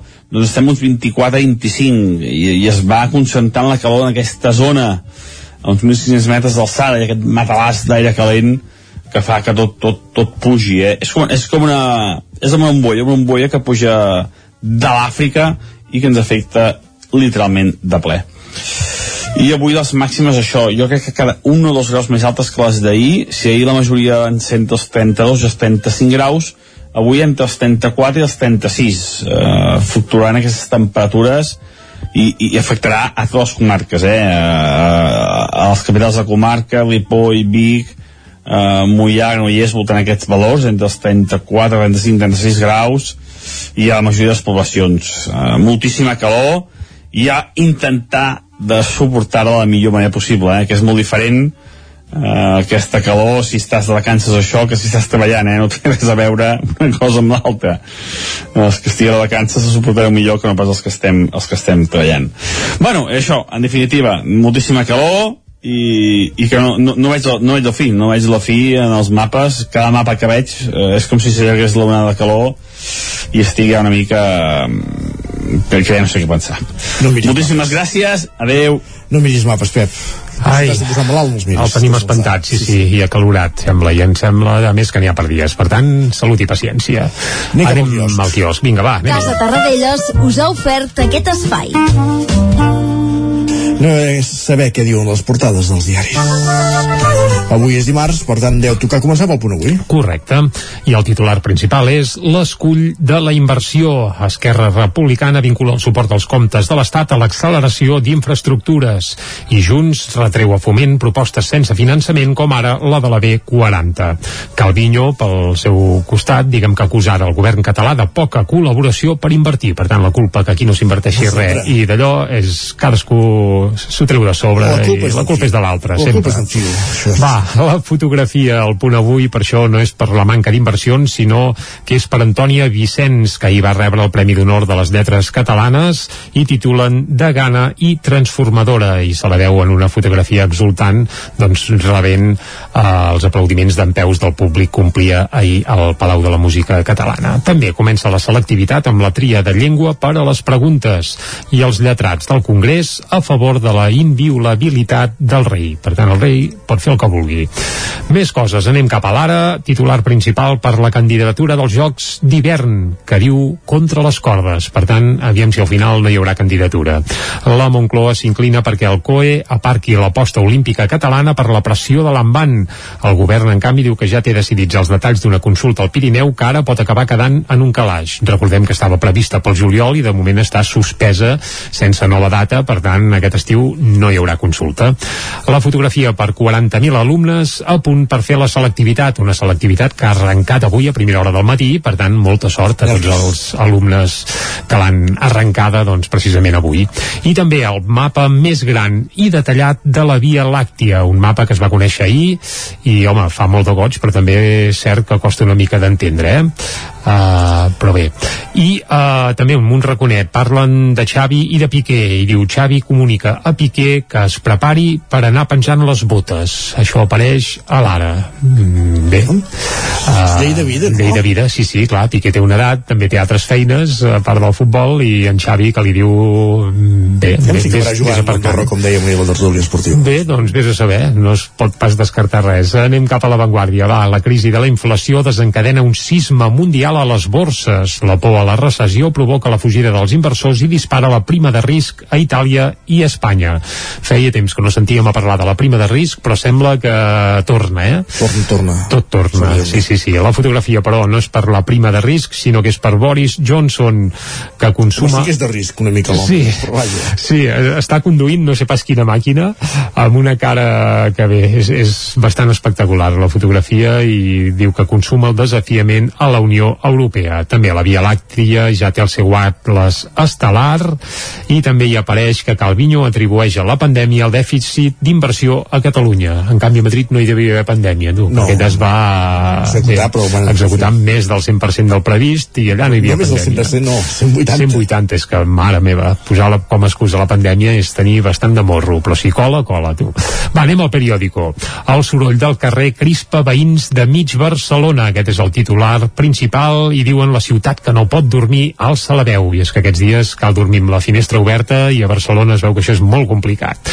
I, i la fotografia és per Jaume Collboni, que diu pujaré al ring amb qui sigui a les primàries. L'actual líder del PSC a Barcelona, eh, bé, mm, reacciona a la informació del periòdico que li situa Iceta com a rival. Es veu que Iceta podria ser candidat a l'alcaldia i Collboni ha dit que si és Iceta ell es presenta a les primàries perquè ho vol ser ell. Carai. Ja es veurà. Va, anem ara a la raó ràpidament. Portades ibèriques. Sánchez s'aparta de la campanya per protegir la seva imatge davant del 19J, com que pinten bastos ja passa una mica de tot. El País, PSOE, PP i Vox veten limitar la inviolabilitat del rei, no fos cas, això a la portada del País. El Mundo troben a casa de l'extresorer del PSOE de València una llibreta amb les adjudicacions i acabem a l'ABC. El PSOE espera que Sánchez assumeixi cometes el bany de realitat.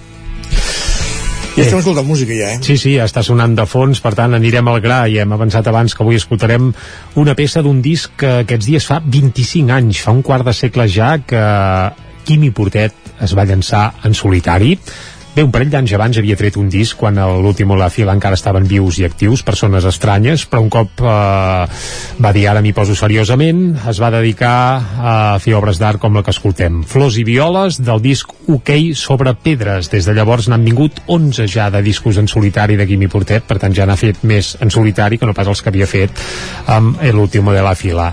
Per celebrar aquest aniversari, què millor que escoltar una de les millors peces que hi havia en aquell fantàstic disc, del qual es compleix un quart de segle, aquest Flors i Violes, que anys després versionaria Adrià Puntí també d'una manera magistral. Però ara l'escoltem en la versió original del Quimi Portet. Va, per molts anys.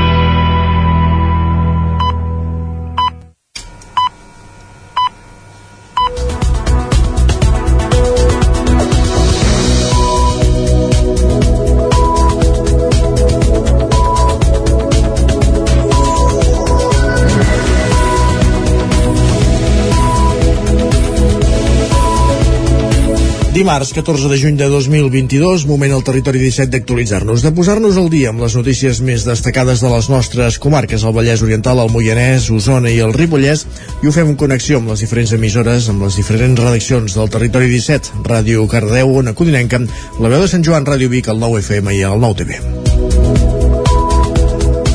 Abans els explicàvem que Anna R té la intenció de continuar com a diputada quan deixi l'alcaldia de Vic i hi ha qui aspira a convertir-se en alcaldessa després d'haver estat diputada, vicepresidenta del Parlament, el seu càrrec actual, i consellera de Salut. En referim a Alba Vergés, màxima responsable de Salut de la Generalitat en el tram inicial de la pandèmia de Covid-19, que es presentarà com a candidata d'Esquerra a l'alcaldia de la seva ciutat, Igualada. I d'això en va parlar divendres al programa I Bona Lletra del Nou TV, on també va fer balanç de la seva gestió de la Covid-19 al capdavant de la Conselleria de Salut. Escoltem a Alba Vergés. No ens imaginàvem aquesta magnitud que ha tingut ni la durada doncs, que ha tingut i avui ho visc doncs, eh, doncs podent somriure no? i que es vegi aquest somriure i sense les mascaretes eh, animant a la gent que recuperi vida eh, que, que miri endavant no? que superi pors també el més dur, segons Vergés, va ser no poder-se acomiadar de les persones grans. Escoltem l'exconsellera no ens permetia fer una cosa molt bàsica, molt humana, que és acompanyar la gent que més estimem i això és molt dur uh, per qui ho va patir en primera persona, és dur pensar no? que has de prendre mesures en aquest sentit i per tant eren les primeres que havíem de posar remei, no? els acompanyaments a final de vida, la gent gran la gent gran que uh, la solitud que, que podien tenir. Després del seu pas per la conselleria, actualment Vergés és vicepresident del Parlament i l'any 2023 es presentarà com a cap de llista per Esquerra a les municipals de la seva ciutat, Igualada. Aquest cap de setmana un dispositiu conjunt entre els Mossos d'Esquadra i els agents rurals ha posat una dotzena més de denúncies per actes il·legals a la riba del riu Ter a la zona de Còdol, en terme municipal de les Masies de Roda. Dissabte al vespre i a la nit hi van inspeccionar 11 persones, de les quals 5 van acabar denunciades per infraccions a la normativa de pesca, com per exemple la manca de llicència, manca d'etiquets per pescar en aquesta zona, portar més canyes de les permeses, pescar en horari nocturn o mantenir vives espècies exòtiques. Els agents van comissar 12 canyes de pesca, un sac de de retenció, un silur i dues carpes. També van denunciar quatre vehicles per circular per domini públic hidràulic i tres persones que acampaven sense permís del propietari. Déu nhi Els alumnes de Vic identifiquen 26 espècies d'ocells als patis de les seves escoles. Un total de 565 individus de 26 espècies diferents d'ocells s'han identificat als patis dels 11 centres escolars de Vic en la primera setmana de l'inventari que han dut a terme més de 700 alumnes d'educació infantil i secundària. Són els resultats de la prova pilot que s'ha fet del projecte de recerca Patis Biodiversos, liderat per la Universitat de Vic. Segons l'observació dels alumnes, els tres ocells més comuns que freqüenten pel seu centre són el pardal, el tudor i el colom. Alhora s'han comptat més de 1.200 invertebrats d'una vintena de grups diferents. En general, apunten des de la universitat, es tracta d'espècies animals típiques d'ambients urbans, perfectament adaptades a conviure amb les persones. En el marc del projecte també han detectat que els centres educatius situats als afores de la ciutat, com l'escola Fores o l'Andersen, són els que acumulen més espècies d'ocells diferents. Se n'han detectat, detectat, per exemple, 13 en el primer cas, a la Guixa, i 14 en el segon, a l'Andersen. I en aquest darrer centre també es va donar el cas que el dia del recompte es van veure tres voltors creuant el pati. Aquest patró també es reprodueix, expliquen en el cas dels invertebrats. El projecte Patis Biodiversos s'ha portat a terme aquest curs tenint en compte que els patis representen espais verds enmig de la trama urbana i per tant poden esdevenir bons contextos d'aprenentatge sobre, sobre fauna i flora i també convertir-se en espais per fer-hi accions per millorar la biodiversitat. Les dades que han recollit els alumnes es faran arribar ara a l'equip del projecte de la Universitat de Vic perquè puguin ser tractades. Caldes de Montbui s'omple de castells en la trobada de les colles castelleres del Vallès Oriental. Aquest diumenge, després de dos anys d'aturada, es van reunir els castellers de Caldes, els xics de Granollers, els castellers de Mollet i els manyacs de Parets. Ona Codinenca, Caral Campàs. La trobada de colles castelleres del Vallès Oriental es va tornar a celebrar aquest diumenge després de dos anys de pandèmia. L'acte es va celebrar conjuntament amb la festa del 25è aniversari dels bastoners de Caldes. Sentim la cap de colla dels castellers de Caldes de Montbui, Marta Castilla. Sempre ens agrada celebrar la trobada del Vallès perquè ens trobem amb les altres tres colles d'aquí de la comarca. I a més aquest any vam unir forces amb bastoners que celebren el seu 25è aniversari i vam fer una, una diada conjunta i va estar molt bé. Els actes van començar de bon matí amb una cercavila conjunta de castellers i bastoners que va començar al carrer Pimargall i va recórrer el centre del municipi fins a arribar a la plaça de l'Església. Un cop finalitzat el recorregut, els membres de la colla bastonera van fer un lluïment. Tot seguit va ser el torn dels castellers que van fer tres rondes de castells i pilars de sortida. La colla anfitriona va descarregar un 5 de 6, un 4 de 6 amb agulla, un pilar de 5 i dos pilars de 4. La majoria eren figures que els castellers de Caldes encara no havien aixecat aquesta temporada. També van carregar un 3 de 7, una figura que no havien fet des d'abans de la pandèmia, tot i que va caure durant la primera ronda. En parlava Castilla. El 3 de 7 era el primer que portàvem a plaça després de la pandèmia, per tant bueno, doncs estrenàvem aquest castell. Va ser una, una diada d'estrenes. Els tres castells que vam fer els vam estrenar aquesta temporada i en el cas del 3 de 7 doncs el primer després de la pandèmia. Va quedar encarregat vam caure just a la descarregada però tot i així vam seguir amb, la, amb el ritme normal d'actuació mm, vam seguir amb les, amb les apostes que teníem en un inici, que eren el 5 de 6 i el 4 de 6 amb agulla, i el pilar de 5 per tancar. Els xics van descarregar dos pilars de 4, un 4 de 7, un 5 de 7 i un 4 de 7 amb agulla. Els castellers de Mollet van descarregar dos pilars de 4, un 3 de 7 i un 3 de 6 aixecat per sota. I els manyacs de Parets van descarregar dos pilars de 4, un 3 de 6 i un 4 de 6. Després de les actuacions, les colles van fer un dinar de germanor al local dels Castellers de Caldes que van a seguit de jocs populars, un concert del grup de versions Ronan Papes i una festa amb música a càrrec d'un disjockey. Feia dies ara que no sentíem parlar de castells, ben tornada normalitat, entre cometes. Més qüestions. La festa major de Sant Pallari a Camprodon torna al màxim esplendor centralitzant els actes de la Mare de la Font, Isaac Muntades, des de la veu de Sant Joan. Sant Patllari 2022 torna amb més força que mai després d'un parell d'anys on s'ha hagut de reinventar per culpa de la pandèmia. Enguany, la festa major de Camprodon s'allargarà 10 dies, tot i que els actes més importants començaran el dia 20 de juny i s'acabaran el 26. Abans hi haurà actes més puntuals. L'alcalde Xavier Guitart explicava algunes novetats d'aquesta edició. Sí que hem volgut des de l'Ajuntament mantenir moltes de les coses que es van fer l'any passat, com pot ser l'espai de la Mare de la Font, que per nosaltres creiem que va ser una novetat amb clau molt positiva i per tant és una cosa que jo crec que ha vingut vingut per quedar-se i, i allà serà on es faran tots els actes o la majoria. Que aquest any hem inclòs part del privat, com pot ser eh, els del PAP 2000 i el P3, que faran un dia exclusiu el dia 25 de juny, el qual es cuidaran de tot allà al Parc de la Mare de la Font, es cuidaran de fer tots els actes i de tots els concerts i durant tot el dia tindrem espectacles totes les edats. Una de les novetats per nosaltres molt importants és tornar, és tornar al parc d'atraccions. Des de l'Ajuntament Juvenil se'ns va fer saber que trobaven a faltar el tema de les atraccions, trobaven a faltar que hi hagués una mica per ells durant tot el dia i, i aquests dies i hem aconseguit finalment que al mateix lloc, a la Mare de la Font, hi haurà unes quantes atraccions, entre ells els autoxocs, era una demanda de l'Ajuntament Juvenil que ens deien sobretot que hi hagi autoxocs, doncs ja podem dir a dia d'avui que hi haurà autoxocs. Les persones també tindran obsequis com per exemple el mocador de la Festa Major i alguna altra sorpresa. A més, amb el programa de la Festa Major, els camprodonins rebran un imant amb dues lletres de la paraula Camprodon i assistint a una sèrie d'actes determinats se'ls entraran les que falten. La Festa Grossa començarà el dilluns amb la commemoració dels 25 anys de l'Institut Germans Vila i Riera, un concert amb els grups Moi, Ausi, Entre Girats i DJs i l'elecció de la Pubilla i l'Hereu 2022. Dimarts, el dia del patró, hi haurà el pregó a l'Ajuntament a les 11 del matí a càrrec de Sisson Pujol, que és presidenta de l'Associació de Disseny Gràfic ADG FAT. Aquell dia hi haurà cercavila amb els gegants, la missa solemne amb l'actuació de la Coral Camprodon, sardanes i la serenata a l'Espai d'Octubre a les 8 del vespre. Dimecres també hi haurà força gresca perquè es farà el dinar popular a la Font de Sant Patllari i la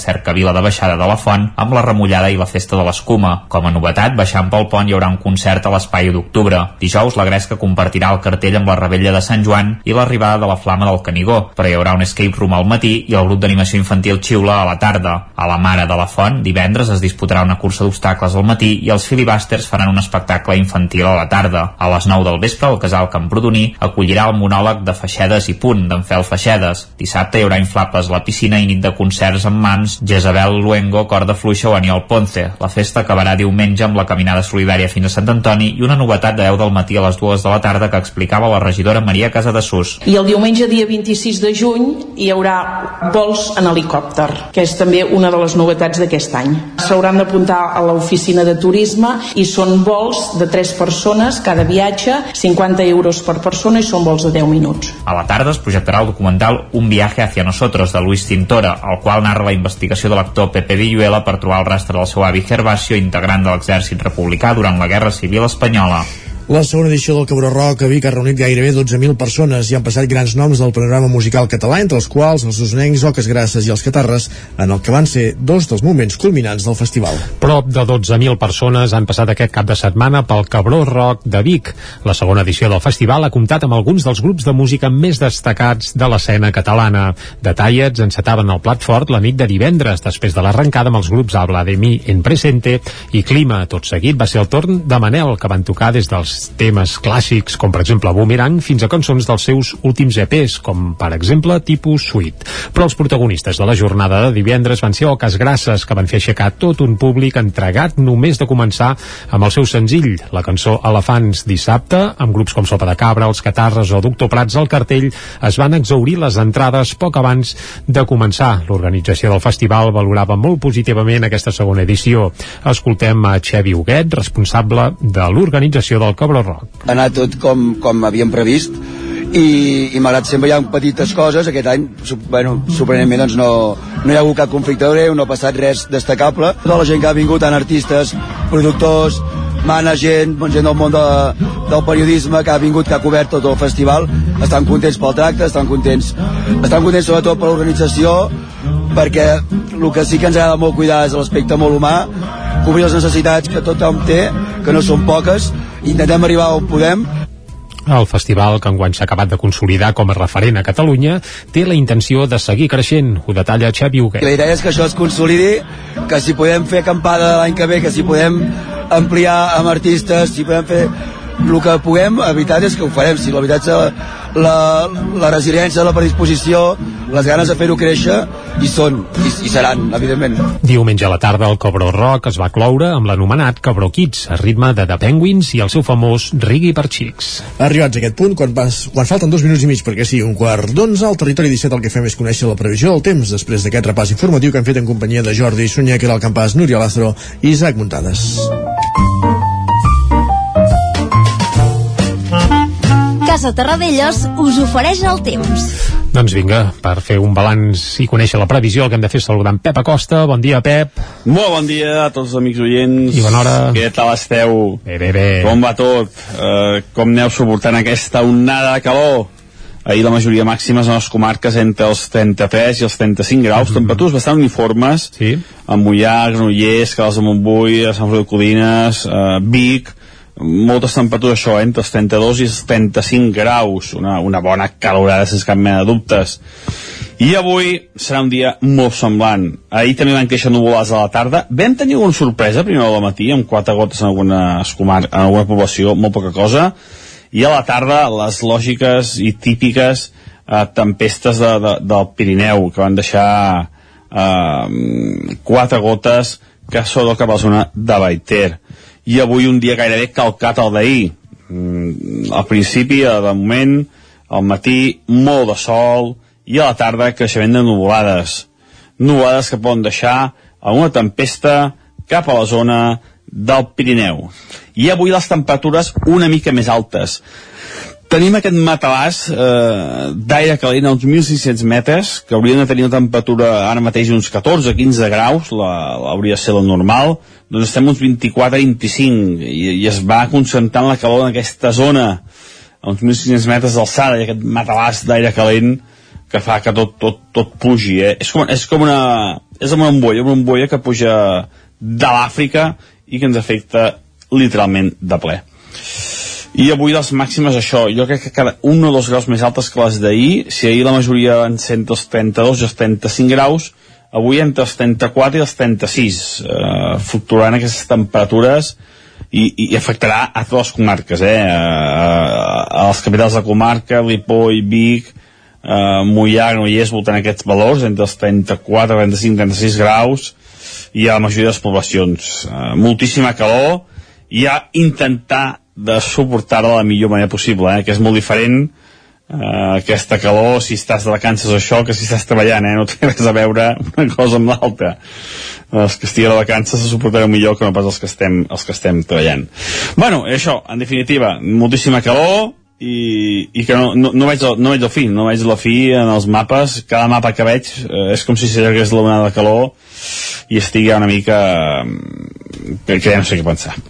Moltíssimes gràcies i ens escoltem demà. Adeu Adéu, Pep. Ai, quanta raó que té. Si fas vacances, la calor s'aguanta millor que treballant. Clar, sí, sí. Però bé, uh, sí, com sigui, és el que hi ha. Va, uh, passa mig minut d'un quart d'onze. Isaac, anem cap a l'entrevista? Cap allà que anem. Vinga. Casa Tarradellas us ha ofert aquest espai. De fet, ara ja és pràcticament un minut el que passa d'un quart d'onze al territori 17.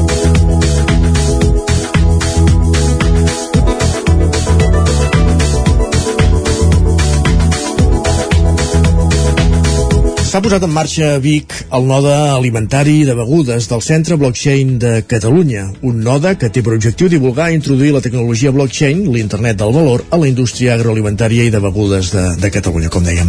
Per parlar-ne dels objectius d'aquest de, node i també del Centre Blockchain de Catalunya i de què és descobrir una mica més aquesta tecnologia, tenim a l'altra banda del fil telefònic l'Àlex Pela, que és el director d'aquest node alimentari. Àlex Pela, bon dia. Hola, bon dia. Primer de tot, eh, moltes vegades quan parlem de blockchain, suposo que vosaltres us hi trobeu, eh, l'interlocutor fa cares estranyes perquè per començar ja costa d'entendre de, què, què, què, vol, què hi ha darrere aquesta paraula. És una tecnologia i que, des del, que el que fa és aportar beneficis, entenga, al, al, al món empresarial. Totalment, Bé. totalment. Blockchain és una tecnologia, podríem dir de blockchain que és l'internet del valor. L'internet que coneixem actualment és l'internet de la informació. Tu et pots connectar a una pàgina web de qualsevol empresa i tens molta informació d'aquesta empresa, tot el que t'han volgut posar. Però el que et permet blockchain és eh, intercanviar valor, no només informació. Uh mhm. -huh. Recordem que blockchain neix del Bitcoin. Bitcoin va ser la tecnologia eh, que va permetre blockchain. Llavors, eh, aquesta tecnologia, eh, si ha permès fer monedes, vol dir que permet transferir valor. I això es pot utilitzar amb, amb moltes coses, no només amb les monedes, sinó amb l'àmbit empresarial. Mhm. -huh. Amb aquest objectiu va néixer el Centre Blockchain de Catalunya, impulsat per la Cambra de Barcelona i el Departament de Polítiques Digitals de la Generalitat, i com bé dèiem, ara el que s'ha posat en marxa és aquest node, la seu del, del Centre Blockchain de Catalunya és a Girona, però aquest node que s'ha posat en marxa dedicat al sector alimentari de begudes és a Vic, eh, una mica amb la idea d'introduir aquesta tecnologia en aquest sector industrial. Correcte, exactament és així. El centre blockchain el que fa és promoure l'adopció de tecnologia blockchain en general a tota la indústria catalana i té la seu, com bé has dit, a Girona. Ah, llavors el que anem fent és descentralitzar-nos, al igual que la tecnologia blockchain és descentralitzada, doncs el CBCAT també es descentralitza i va obrint diferents nodes, que no són, són subseus, eh, dedicades a temes concrets, nodes verticals. Llavors, concretament a Vic s'ha obert el node que es dedicarà a donar servei a la indústria agroalimentària, amb el sector més ampli, des de l'agricultura, a ramaderia, a transformació alimentària i begudes. Tota aquesta indústria, per tot Catalunya, es donarà servei des de Vic. O sigui, el node està a Vic, perquè Vic, a més, és un, aquesta indústria doncs, és de referència a Vic, però donarem servei a tot Catalunya, no només a Vic. Uh -huh. Quin ús en pot fer la indústria alimentària del blockchain? Home, en pot fer molts usos. Mira, blockchain el que és és una base de dades descentralitzada i immutable per disseny i això el que vol dir és que és un sistema segur. El ser immutable i el ser descentralitzat, ningú és el propietari. No hi ha un propietari de les dades, com sí que ens passa amb qualsevol altra base de dades, sinó que estan descentralitzat i és immutable. Això el que fa és aportar confiança. Diferents actors de la indústria poden compartir informació sapiguent que aquesta informació no, la, no es pot variar. Llavors, traçabilitat, per exemple, és un cas típic on la indústria alimentària se'n pot aprofitar per demostrar que estàs tan fent les coses ben fetes i que quan tu compres un producte alimentari puguis saber fefaentment d'on ve quina granja ha criat l'animal que ha acabat produint això. Quan, quina, en quin moment va néixer aquest animal, en quin moment es va sacrificar, tota la informació que es vulgui es pot posar en aquest sistema. El centre blockchain el que fa és assessor assessorament o acompanyament, però per exemple el que no fa és desenvolupar aplicacions, per això hi ha altres empreses, entenem, oi? Exacte, nosaltres no desenvolupem, el que sí fem és acompanyar, assessorar, donar formació i sobretot difondre la tecnologia, perquè encara es coneix molt poc això. Llavors, amb el sentit, el que ens interessa és difondre que es conegui aquesta tecnologia. Aquesta tecnologia és senzilla, no té per què ser una gran dispendi ni econòmic ni amb canviar les maneres de fer, sinó que és senzillament adaptable. El que fem és difondre i a partir d'aquí podem posar en contacte amb empreses. Coneixem moltes empreses que treballen al sector i que hi treballen bé, però nosaltres, com bé deies, no desenvolupem, no és la nostra tasca, simplement acompanyarem amb els projectes que es vulguin fer amb la tecnologia blockchain. Fa poques setmanes que funciona aquest nota de Vic, no sé si han començat a tenir contactes amb, amb les empreses i quina és la resposta, diguéssim, hi ha interès per aquesta tecnologia? Ha despertat molt interès. D'entrada ha despertat molta curiositat perquè, bueno, és un tema doncs novedós i que tothom n'ha sentit parlar una mica tot i que es, es coneix poc. Per això el primer que estem fent és difondre, donar a conèixer, explicar el que és, demostrar casos d'ús. Hi ha molts casos d'ús, s'estan fent moltes coses arreu del món, però també a Catalunya i a Espanya s'estan fent coses. Llavors, donar a conèixer tot això perquè es perdi la por i es vegi que es pot fer. Llavors, sí, la resposta de moment està sent molt, molt bona. Uh -huh. Parlava ara de, de donar a conèixer, de fet és un dels objectius d'una jornada que tenen programada per la setmana vinent, el dia 21 de juliol, eh, amb doble objectiu, presentar-se a l'empresariat usonenc, però alhora també donar a conèixer experiències d'altres punts del món que utilitzen la tecnologia blockchain i el sector alimentari, precisament. Exacte, això serà el 21 de juny, eh? no de Ai, juliol, de juny, perdó, la setmana que ve, Correcte. març que ve concretament, ara falta una setmana. Aquí, eh, a veure, una de les coses que fem en el CBCAT i concretament en el node d'alimentació que tenim aquí a Vic és el Fòrum Sensoví. Sensoví era un receptari de cuina catalana de l'època medieval, el primer que es, que es conserva. Aprofitem el nom per fer un receptari de casos d'ús de blockchain. O sigui, el Fòrum Sensoví el que és és un observatori que vol donar a conèixer les, els casos d'ús interessants que s'han fet sobre blockchain en el sector agroalimentari. Llavors, el que fem el dia... Aquesta és una de les coses que fem nosaltres, aquest fòrum i donar a conèixer aquestes iniciatives. Una altra cosa que fem és organitzar jornades internacionals on presentem eh, també iniciatives que s'hagin fet interessants arreu del món. I ara el que fem dimarts que ve, dia 21, és juntar les dues coses, fer la presentació del Fòrum Sensoví i ho fem ja, des, a continuació farem una conferència internacional que hi participa a més en Nitin Gaur, que és una persona de primeríssim nivell en el món blockchain, va estar, va ser el que va crear eh, l'Institut i la, el, tota la divisió de blockchain d'IBM, que IBM té l'IBM Food Trust, que és una de les primeres aplicacions i serveis de blockchain que hi ha per alimentació. En fi, que és una persona que serà molt interessant de conèixer. Llavors, el que fem el dia 21 és primer presentem el fòrum Sensoví i a continuació fem una conferència internacional que consta de la ponència d'aquest senyor, del Nitin Gaur, més una taula rodona amb quatre persones doncs, també de molt nivell en el món blockchain.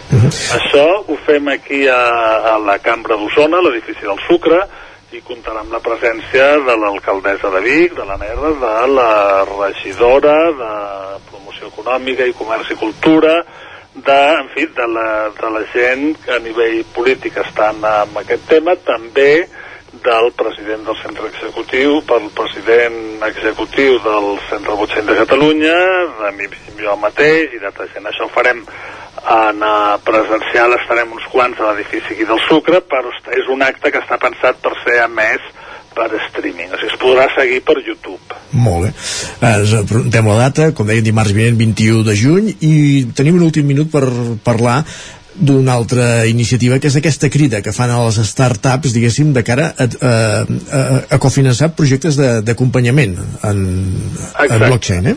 Sí senyor, aquí el que fem és, a veure, com que volem promoure l'ús de la tecnologia blockchain, hem de convèncer tant el client, l'usuari final, com a la gent que pot fer aquestes tasques. Llavors ara mateix hi ha eh, empresa TIC a Catalunya preparada per, per fer desenvolupaments blockchain, però volem que creixi. I aquí en aquest sentit el que fem és fer una crida a qualsevol startup que s'estigui constituint en la fase que estigui un més o menys avançada actualment, que tingui un projecte que sigui d'aplicació a la tecnologia blockchain i aquí el que fem és una mentoria de sis mesos i acompanyar-los amb la part tecnològica. No fem, no fem finançament. Aquesta part no és una part que toquem nosaltres. Nosaltres la que toquem és la part tecnològica. De finançament hi ha força entitats a Catalunya que en proporcionen, però en canvi no hi ha ningú que et proporcioni a l'acompanyament sobre la tecnologia blockchain. I aquesta és la part que aportem nosaltres, aquest acompanyament. Aquesta convocatòria està oberta fins, aquest, fins al diumenge que ve, fins al 26 de juny es poden rebre sol·licituds. Doncs qui estigui interessat que, que prengui nota també. Hem parlat de la introducció de la tecnologia blockchain a l'empresariat català amb l'Àlex Pèlag, el director del node alimentari del Centre Blockchain de Catalunya, un node que està, com dèiem, ubicat a Vic.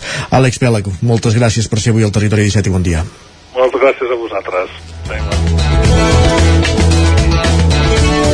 Doncs vinga, ja coneixem una mica millor què s'amaga darrere el blockchain i ara aquí a Territori 17 el que farem és seguir, farem una breu pausa de 3 minutets i després qui ens visitarà és en Guillem Sánchez en qui repassarem algunes piulades. Tot seguit anirem a la taula de redacció i qui ens visitarà abans de les 11 serà en Gil Salvans de l'Agència de l'Energia d'Osona. A quina temperatura cal fixar els aire condicionats? Com ho hem de fer perquè siguin al màxim d'eficients i alhora no tinguem calor, però també consumim poca energia. Això ho descobrirem eh, quan ens visiti en Gil Salvant just abans de les 11 i després encara fins a les 12 us farem companyia aquí a Territori 17. Ara, això sí, fem una pausa i tornem a dos quarts en punt amb piulades. Fins ara mateix. El nou FM, la ràdio de casa, al 92.8. Cobertes serveis funeraris. Els nostres tanatoris estan ubicats en els nuclis urbans més poblats de la comarca d'Osona per oferir un millor servei. Tanatori de Vic, Tanatori de Manlleu, Tanatori de Centelles i Tanatori de Roda de Ter. Sabem que són moments difícils i per això el nostre compromís és atendre-us en tot moment amb un tracte humà, sensible i respectuós. Cobertes serveis funeraris. Telèfon 24 hores 93 883 23 46. A Bailen sabem que quan té una avaria a la seva caldera vol una solució ràpida. Truqui al servei tècnic oficial Bailen i els nostres tècnics vindran ràpidament a solucionar-li el problema. A més, si canvieu ara la caldera, us regalem fins a 300 euros. Truqueu al 910 77 88 77 o entreu a bailen.es. Si tens pensat canviar la caldera o posar aire condicionat, posa't en mans a Pradell. Tenen les millors ofertes. Pradell instal·la calderes de biomassa, calderes de condensació, aire condicionat tant per a particulars com per a empreses. Apunta, Pradell, Avinguda Països Catalans, número 27 de Vic. Telèfon 93 885 11 97. Repetim, 93 885 11 97. A la llibreria Mater hi trobaràs material escolar i d'escriptori, llibres, revistes i el millor regal. T'esperem amb una gran varietat de novel·les, llibres d'assaig, poesia, contes i moltes novetats editorials. I per anar ben equipat a l'escola tenim motxilles, estoig, carpetes, llibretes, bolígrafs i molt més. Recorda que amb la targeta client tens descomptes. Mater, llibreters amb vocació des de 1957. Llibreria Mater.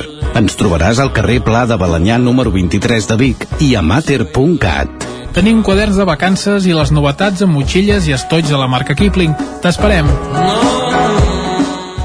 Cocodril Club. Si t'agrada la bona música dels anys 60, 70 i 80, escolta el 9 FM els matins de dissabtes i diumenges d'11 a 1. És el temps del Cocodril Club, tot un clàssic de la ràdio, amb les bases del pop-rock, les llegendes, les cançons que s'han convertit en autèntics himnes. Recorda, dissabtes i diumenges al matí, d'11 a 1, al 9 FM 92.8. Cocodril Club, el programa revival de l'Albert Malla. Hasta Anuncia't al 9FM. La màquina de casa. 9 3 8 8 9 4 9 4 9. Publicitat arroba al 9FM.cat. Anuncia't al 9FM. La publicitat més eficaç. El 9 FM, el 9 FM, el 9 FM, el 9 FM, el 9 FM.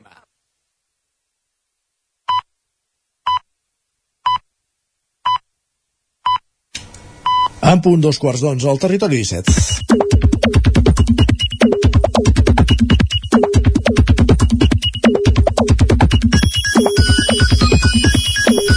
I si són dos quarts d'onze en punt, vol dir que aquí tenim, aquí als estudis del nou FM, aquí a Territori 17, és en Guillem Sánchez. Hora Sánchez, Guillem, molt bon dia. Què tal, com estem? Bé, mm, perfecte. Segurament no tan nerviós com els qui estan fent la Ah. selectivitat a hores d'ara, no? Bé, això seguríssim. La vam fer, eh, en el seu moment, però clar, fa tant de temps que el cert és que jo ja gairebé no hi recordo, eh? també perquè ens hem d'enganyar. Tu també la devies fer, no? Jo vaig ser el primer any que van fer la nova selectivitat que ja ponderava sobre 14 i no sobre, i no sobre 10. Clar, això cal dir-ho. Ahir sé que en parlàvem d'allò, oh, jo vull un 11, vull no sé què. Clar, és que ara no és sobre 10, sinó sobre 14, eh? 14, perquè es poden sumar 4 punts extras amb les matèries Clar. específiques que puguis eh, fer de més a més a la fase comuna dels, dels exàmens. Això pels que... Tu vas aprendre ràpid, això, veig. eh? Sí, sí. Pels que tenim ja una edat, doncs que sapiguem això, que ara no és sobre 10, sinó sobre 14 els barems a l'hora de, de, de fixar també les notes de tall a les universitats. Dius, oh, com pot ser que demanin un 11? No, no, sí. clar, és que és sobre 14. Molt bé, està bé fer pedagogia, va. Uh, això ja ho tenim. Què més, Guillem? Va, unes proves que el nostre company l'Agustí Danés ens defineix de la següent manera, aquestes de la Home, selectivitat. Ens també diu- les deu haver fet l'Agustí ja, eh? Diu, molts nanos que avui encara no han neguit la selectivitat, una prova que en el fons potser té més de repte personal que no pas d'acadèmic. Diu, l'índex d'aprovats és elevadíssim, però aborden un temari ampli sota pressió amb companys que no coneixen i examinadors independents. Això és fer-se gran. Que és que el tema no és aprovar o no, que sí que és cert que pràcticament aprova tothom que s'hi presenta, sinó és Treure obtenir la nota- la nota que et permeti accedir en teoria als estudis que vols cursar el curs següent. Va estar bé per això la reflexió que feia i un, un dels testimonis que posàvem aquí a les notícies que deia, Mhm. jo he de treure un 11 però vaja, si no aniré a l'UBIC que la nota de tall és més baixa. Sí, perquè ens hem d'enganyar. Les públiques, doncs, les notes de tall acostumen a ser més altes, a les, entre cometes, concertades, com podria ser la de Vic, privades, doncs, les notes de tall normalment ser són més accessibles, més accessibles. L'Andreu per això ens destaca un comportament que avui segur que moltes i moltes experimentaran i que potser no s'hauria de donar. Ens diu, el pitjor de la selectivitat són les persones que es dediquen abans i després dels exàmens a comentar els punyeteros exàmens. Que em deixis, que no vull saber què has posat a la pregunta 4, que vull menjar i vull dormir tranquil. De Deixa'm Doncs- avançar. doncs que 99.cat, Que ha és el- les respostes quan és, és el que eh? anava a dir. Ara, quan anem al 99.cat, hi ha un apartat que és molt fàcil, eh? Cliques i ja ets per allà, correccions, solucions i exàmens de la selectivitat 2022. Perillós, això, I perillós, totes eh? les correccions i solucions eh, bé, ja de, del primer dia. Per tant, això ja es pot trobar des d'ara mateix. cada moment que 99.cat. acaba un examen hi ha les correccions d'aquell examen Correcte. No sé si és fer-se a vegades més sang o no, eh? perquè potser el més fàcil és dir, mira, m'agafo 10 dies de vacances i ja, ja em diran la No, nota que a més en i- teoria el resultat sí que és cert que no el saben ni avui, ni demà, ni demà passat. Triga uns dies, per tant, jo també penso que el millor és, és anar-se'n de vacances Ara, a partir de sí, sí. dijous quan De viatge, acabin la CL, viatge, uh, correcte. vés-ho a celebrar Motxilla sense saber el resultat i quan tornis doncs ja en parlarem, però vaja. El que sí, són dies de molts nervis, estrès i poques hores de son per a alguns, com per exemple per l'Amèrica ens escriu si em veieu durant els dies de, de selectivitat no em saludeu, en aquells moments tindré la cara i personalitat d'un zombi doncs mira, cafè i... jo també us dic que no només no es dorm per la selectivitat aquests dies, eh? la calor també ajuda a no dormir També, això és cert. Però va, canviem de tema. Vosaltres teniu veïns? Sí, tant. Home, sí, sí, sí, no, no vivim aïllats a, a una masia. De fet, els així. que viuen aïllats en una masia també considero que en tenen veïns a la masia que tenen a 3 quilòmetres, eh? També. Bé, o els senglars i els cabirols poden ser també veïns, Veïns, no cal que siguin... Doncs espero que els veïns de humans potes. que teniu siguin una mica més considerats que els de la Nana que ens escriu estic per preguntar si puc ser jurat del campionat de pujada i baixada de persianes del meu carrer. Es veu que si no fan tremendo escàndol, els desqualifiquen. És que clar, aquests dies que tots dormim o estem amb finestres obertes, A vegades hi ha eh, clar, normalment dir- hi ha veïns que ni els coneixes, ni saps la pinta que fan, ni la veu que tenen, i aquests dies la descobreixes, eh? Entre, a vegades vols aire, aire que pot passar, però llavors entra la llum, però llavors no sé què, però llavors no sé quantos, són molts comportaments, eh? Si tot el problema dels veïns és pujar i baixar percentatges, ja la Jo felicitat, eh? ah, ahir vaig fer un petit estudi, aviam quina tele eh, escoltaven els meus veïns, perquè clar, ho podies fer parant l'orella, aviam aquest, eh, quin canal se'n passa o quin canal angoleix, i mira, va, va ser prou divertit. El, uh... Vaig detectar 3 o 4, eh, Sí? que déu Sí, no, no tothom mira crims, vols dir, dilluns No, no, no, ja t'ho ben asseguro. Crec que jo era l'únic que En mirava crims, en que parlarem ara- en parlarem, no? Perquè sempre... Piulades. Ah, va, va, va, va. Abans hem de descobrir la fórmula de la felicitat, que ens l'escriu l'Eric, es Ah, veu que ostres. existeix. Doncs espera't, que ens l'apuntem, aquesta. Diu, di dilluns al cinema, sessió del vespre, crispetes, refresc i la sala per tu sol en una estrena, Jurassic World. La gent cercant el racó utòpic de la felicitat i a vegades és molt senzill trobar-lo. I a més, el cine, si està fresc. Si està fresc, també. Això és cert. Va, i per acabar una reflexió d'en Jordi, com dèiem, fent referència al programa d'ahir de, de Ara, Crims, ara, que té, aquí, aquí. que té una segona part. Sí, la setmana que ve es resoldrà, però és que, ostres, déu-n'hi-do, eh? Déu-n'hi-do la feina. Tu, bueno, la feina, tu ho vas veure, sí? Jo no el vaig veure. No el vas Ahir. veure, l'Isaac sí, eh? queda pendent. Clar, una noia que apareix penjada, teòricament penjada... No, penjada eh, ho estava. El Bé, no- penjada no sí. se sap si s'ha penjat ella o amb la va un penjar pi, algú No, no, jo crec que al final ja es va, va quedar ben clar que no es va penjar sola però clar, uh, fa més de 30 anys d'això, a Portbou i ara sembla que en trauran l'entrellat De fet, ja l'han tret. Bé, ja l'han tret, sí, sí Gràcies perquè al Crims i un altre programa, doncs s'han descobert qui és la noia. Doncs en Jordi ens diu Carles Porta buscant coses a Google també. Me l'imaginava amb una pipa, una lupa enfocant petjades i un beagle Sí. ensumant. D'aquest moment Ai, de Crims també va ser divertit. el- Google, Sí, quan es veia exacte, buscant per allà i pitim patam, un, tinc un amic un policia alemany i aquest em passa un policia austríac i aquest d'allò i després la tele privada d'Àustria el no sé què com és, sí, com tot. és d'important Google i, temi, i tenir amics repartits per, per arreu del món. Sí, això segurament és cert. I com n'és d'eficaç, deixem-ho posar així entre cometes, algun agent de la policia estatal ibèrica. Sí, però Guàrdia trobaríem Civil. a tot arreu d'aquests, Sí, no, això, això ja, veient crims ja havíem vist Ja altres queda exemples ja queda constància. en aquest sentit. Sí, sí. doncs va, demà, demà més. Va, Va, doncs vinga, gràcies, moltes gràcies, Guillem. I ara, exacte, uh, ja ho sabeu, acabem de dir, eh? Si aneu al 99.cat hi trobareu les correccions, solucions i exàmens de la selectivi selectivitat 2022, això ho trobareu, però també hi trobareu altres coses, com que el Cobro Rock de Vic va congregar 12.000 persones, que HD, era el camp dels refugiats catalans en un reportatge i ANR, el grup municipal, hi ha diversos regidors que podrien ser candidats, això el 9-9 d'Osona i el Ripollès, on hi ha una entrevista en exclusiva a ANR, la primera que va fer des que va anunciar que plegava. I anem al Vallès Oriental, l'incendi a les naus de la Garriga segueix actiu però contingut, això s'apunta a la portada ara mateix, i també Granollers rep un dels premis Computing 22 pel seu projecte de ciberseguretat i crema la nau de Múrcia on s'emmagatzemaven els clavells per confeccionar les catifes de corpus de la Garriga. Per tant, aviam com s'ho faran per fer les catifes típiques de corpus de la Garriga. Suposo que trobaran altres pètals de clavells a algun altre racó. Dos quarts i mig d'onze, anem cap a la taula de redacció. Anem.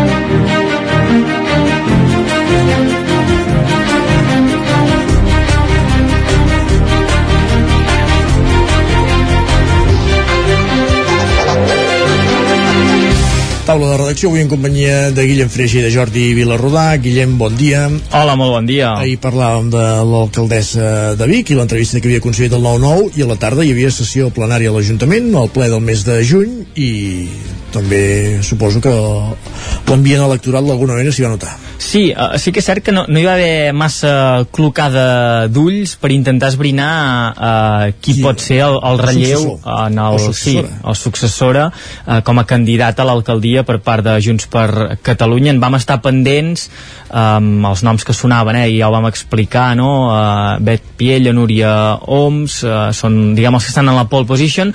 En, en el ple, com dèiem, no es va veure massa uh, això, eh, pistes de, de cap on poden anar els trets, i el ple sí que va estar uh, força carregat de, de contingut, uh, proper a les dues hores de durada, i entre els diversos punts destacar uh, una moció que es, es va portar al ple i es va aprovar per primera vegada a la comarca d'Osona, és el primer municipi que l'aprova la ciutat de Vic, relacionada amb la R3, amb la circulació de trens, i en concret aquesta moció el que demana és la programació de noves accions en el tram nord de la R3, per tant estem parlant de la Garriga cap a, en amunt, el tram que afecta a Osona i el Ripollès. La va defensar una persona que, que ha agafat molta rellevància en fomentar que les obres del tren vagin endavant, com és el doctor Josep Arimany, regidor de Junts per eh, Catalunya. De fet, també és el responsable de l'oficina tècnica eh, per vetllar pel desdoblament de la R3 i, com dèiem, va defensar aquesta moció i va posar eh, de relleu, va destacar eh, aquesta unitat d'acció política que existeix a, dia d'avui en què diverses institucions remen a la vegada des del govern estatal a Madrid, també la Generalitat, el Consell Comarcal d'Osona, del Ripollès, diversos eh, ens eh, polítics i socials com poden ser la plataforma de Per què no ens fotin el tren, la creació de la taula de la, de la mobilitat i aquesta moció el que demanava, el que es demana en aquesta moció, moció són un seguit de punts, que es compleixen un seguit de, de punts. En concret es demana que es tiri endavant en el període 2026-2030, que és quan han d'arribar les obres, diguem, visibles en el tram d'Osona i el Ripollès, doncs que en aquest moment també s'aprofiti per fer l'estudi informatiu del tram La Garriga-Centelles. L'estudi informatiu és eh, l'estudi previ a poder fer les obres. Com s'haurà de fer tot plegat per poder fer les, les obres i determinar eh, traçats, trajectes, velocitats, diguem, el, la part teòrica de, de les obres. Doncs poder fer aquest estudi informatiu en el tram La Garriga Centelles, això vol dir el tram del Congost, el del Figaró, i Arimany va destacar que, tot i semblar un tram molt difícil, des d'Adif i els enginyers eh, especialistes en aquest tipus d'obres apunten que no ha de ser eh, difícil i que la solució ha de ser un túnel, eh, que apunten cap a un túnel que travessi doncs, aquesta part del Congost.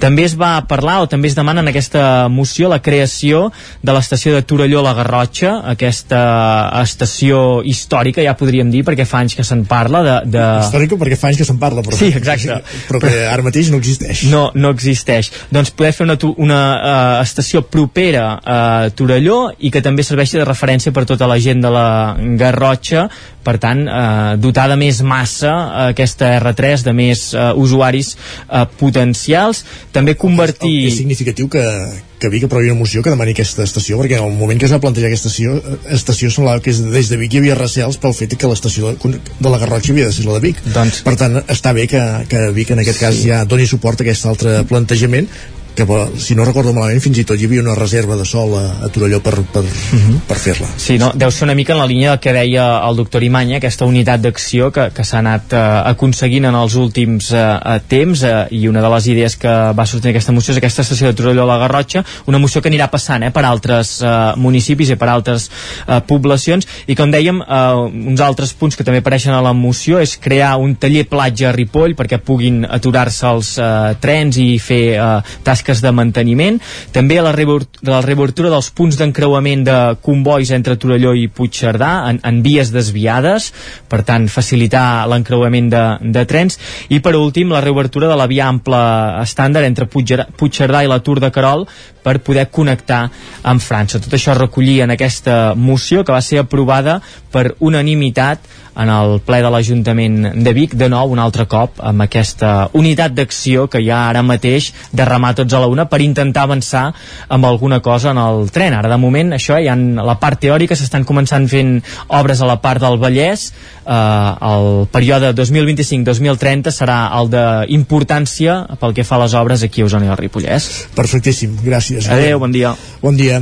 Continuem aquesta taula de redacció, com dèiem, en companyia de Jordi Vilarrodà, que va ser una de les 12.000 persones que al cap de setmana se va passar a l'entorn de la zona esportiva de Vic, on s'hi feia el Cabró Roc. Exactament, exactament. Unes estones, si més no, les van passar allà d'aquest cap de setmana. Uh, va ser el segon Cabró Rock, uh, la segona edició d'aquest festival que uh, l'any passat va fer-se en unes circumstàncies diguem que gairebé impossibles es pot dir que es van inventar un model de festival gairebé l'any passat la gent del Cabró Rock perquè eh, si ens en recordem l'any passat hi va haver aquells eh, festivals del Cruïlla, el Vida on es feien unes eh, unes proves d'antígens a la gent i tot. Eh, el, el Cabró Rock va ser abans que aquests o sigui va ser primer que aquests i sense proves d'antígens i res es van haver de crear un model de festival. I, i bé, déu nhi com va anar. I aquest any ja era el festival normal, diguem, sense cap restricció, en un ambient d'aquests que d'alguna manera et sorprenia perquè deies, aquesta imatge que estic veient ara fa 3 anys que no la veia eh, aquesta imatge de la gent eh, vibrant la, junts la, la, sense... la fotografia de portal la fotografia de portal del 9-9 que a més a més hi ha allò típic que passa el Pilar de 3 eh, el Pilar de 3 dels, dels concerts. Em sembla que aquest concretament era el concert dels Catarres eh, però podia ser qualsevol altre. De fet eh, els moments àlgids potser de públic van ser el divendres amb les actuacions de Manel seguit de uh, Oques Grasses eh, que, que van ser dos dels moments culminants potser i després el dissabte que hi havia un enfilall de concerts que començava doncs per Sopa de Cabra fent el revival dels 30 anys d'un de, dels seus discos mítics. Després eh, seguia per Catarres que estrenava Diamants que és el seu darrer treball que n'han fet molt pocs concerts i a Osona concretament no n'havien fet cap amb una energia impressionant els Catarres i fent un, un revival de fet també dels, de, dels 10 anys de trajectòria del grup. Eh, i després hi havia estrenes també de discos recents que, que han arribat doncs fa molt poc dels Doctor Prats i d'Itac Cabant i, i la festa continuava, eh, a més a més, però va ser potser aquests, doncs, eh, els, els, els moments, eh, a més a més, musicalment tenien aquest eh, atractiu de, de, de presentar nous treballs. El festival va anar bé, va anar, en línies generals va anar bé, sempre pot passar alguna coseta, doncs, dintre aquell moment de cues, aquell, però en general va estar tot molt ben organitzat, eh, podríem dir. L'espai és molt ample, Vic ha guanyat un gran espai de concerts, o, o ha descobert, diguem, un gran espai de concerts, l'espai ja hi era. Mm, és un espai que està tancat, per tant, pots controlar els accessos, a més a més és ample, o sigui, hi havia espai suficient perquè la gent que volia estar prop de l'escenari estigués allà davant, doncs, eh, donant-ho tot, i la gent que volia més tranquil·litat, això es veia, per exemple, sobretot en els concerts encara de tarda, amb llum de dia, que hi havia gent fins i tot de públic familiar, que estava més endarrere, eh, eh, és a dir, és un espai que, que funciona molt bé, eh, a més a més. recordo si havia fet algun fora muralla S'havia fet, s'havia fet concretament un fora muralla i a més a més va ser el primer dels festivals fora muralla, si no recordo malament, en què a més a més hi van actuar Manel. Correcte. O sigui, Sí, sí, a més a més. Manel va ser un dels grups que no ho van recordar ells en el concert de dissabte, de, de divendres, perdó, però sí que ells havien actuat allà mateix. Correcte. Eh, i, I era un espai que no s'havia utilitzat més, potser, però que ara eh, ja s'ha vist doncs, que sí que funciona, perquè a més a més fins i tot el mercat de música viva l'any passat el va fer servir. Aquest any ja no, no el farà servir, però l'any passat que també es necessitaven espais allò per allò, les distàncies, eh, doncs també va utilitzar l'espai aquest de la zona esportiva. I el Cabrroc, doncs, eh, amb ganes de continuar, tot i que aquest any tenia un hàndicap, perquè, és clar, ens trobàvem que era la, la, el mateix dia que, que els mateixos dies, vaja, que els, el segon cap de setmana del primavera. Clar, pensaves, per exemple, el dissabte, doncs, que hi havia eh, eh, doncs, catarres, per exemple, o, o sopa de cabra, jo, home, potser és un públic bastant semblant a l'Antònia Font, que deu estar ple de gent allà a Barcelona també veient-lo, no? I per tant, segur que una, es treien públic l'una a l'altra, eh, en detriment del de Vic segurament perquè és clar, el Primavera és una cosa que juga en una altra divisió. Eh, de totes maneres com però que també és cert que les entrades d'Antònia Font fa molts mesos que es van acabar Sí, sí, sí. tampoc hi havia massa opcions no, no, però segurament sí que gent que si no hagués estat al Primavera hauria estat potser alguns en el Cabrroc eh, de totes maneres com que el Primavera s'ha demanat per part de l'Ajuntament de Barcelona que el passin cap al mes de maig eh, més, més que cap al juny pot ser que és una cosa que se solucioni diguem, eh, sola, pràcticament. Eh, el Cabrroc es manté en aquestes dates el que costa a vegades és trobar dates per festivals en què no coincideixin dos esdeveniments importants a Catalunya quan entrem ja en aquesta època de preestiu o d'estiu Perfecte. Doncs repassant el Cabró Rock, el primer festival d'estiu, gràcies Jordi per ser un dimecres més, un dia més a la taula de redacció. Bon dia. Gràcies, bon dia. I de la taula de redacció anem cap a la secció de Medi Ambient i Natura, ens acompanya avui a l'estudi en Gil Salvans. Parlem amb ell tot seguit.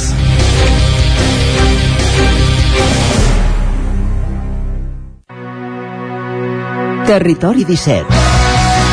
El 9 FM, la veu de Sant Joan, Ona Codinenca, Ràdio Cardedeu, Territori 17.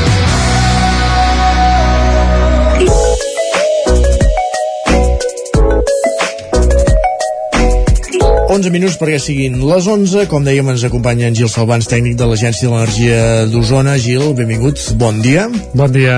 Ens, com ens acompanya un cop al mes per tocar diversos aspectes relacionats a, amb el foment de les energies renovables, amb l'ús d'energies, etc etc. I avui toquem un tema de, de plena actualitat, com són els aires condicionats.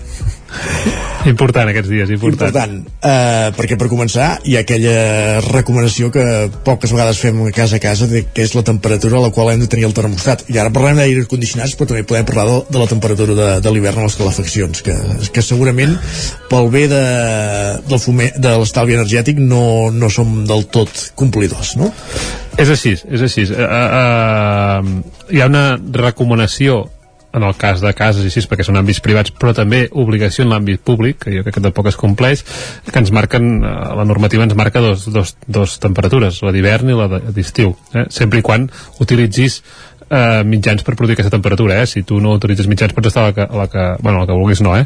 Però estem parlant de que ara, aquesta època, eh, les llars haurien d'estar a 25-26 graus la recomanació és entre 25 i 26 graus és a dir, no, no està per sota de, és a dir, no fer servir l'aire condicionat per estar per sota aquestes temperatures uh -huh. i a l'hivern, tot i que ara no és tan interessant ens, ens parlen d'uns 20-21 graus val? Uh, per tant, són temperatures que, que es consideren que són confortables i així. Val a dir que, que segurament hi haurà algun tema de revisió tot això, eh? sobretot en el nostre àmbit el tema de l'aire condicionat ara és clau i, i diem que és important aquests dies si ens miréssim fa 15 anys mm, no parlaríem d'aire condicionats n'hi havia molt pocs, potser a la nostra zona eh?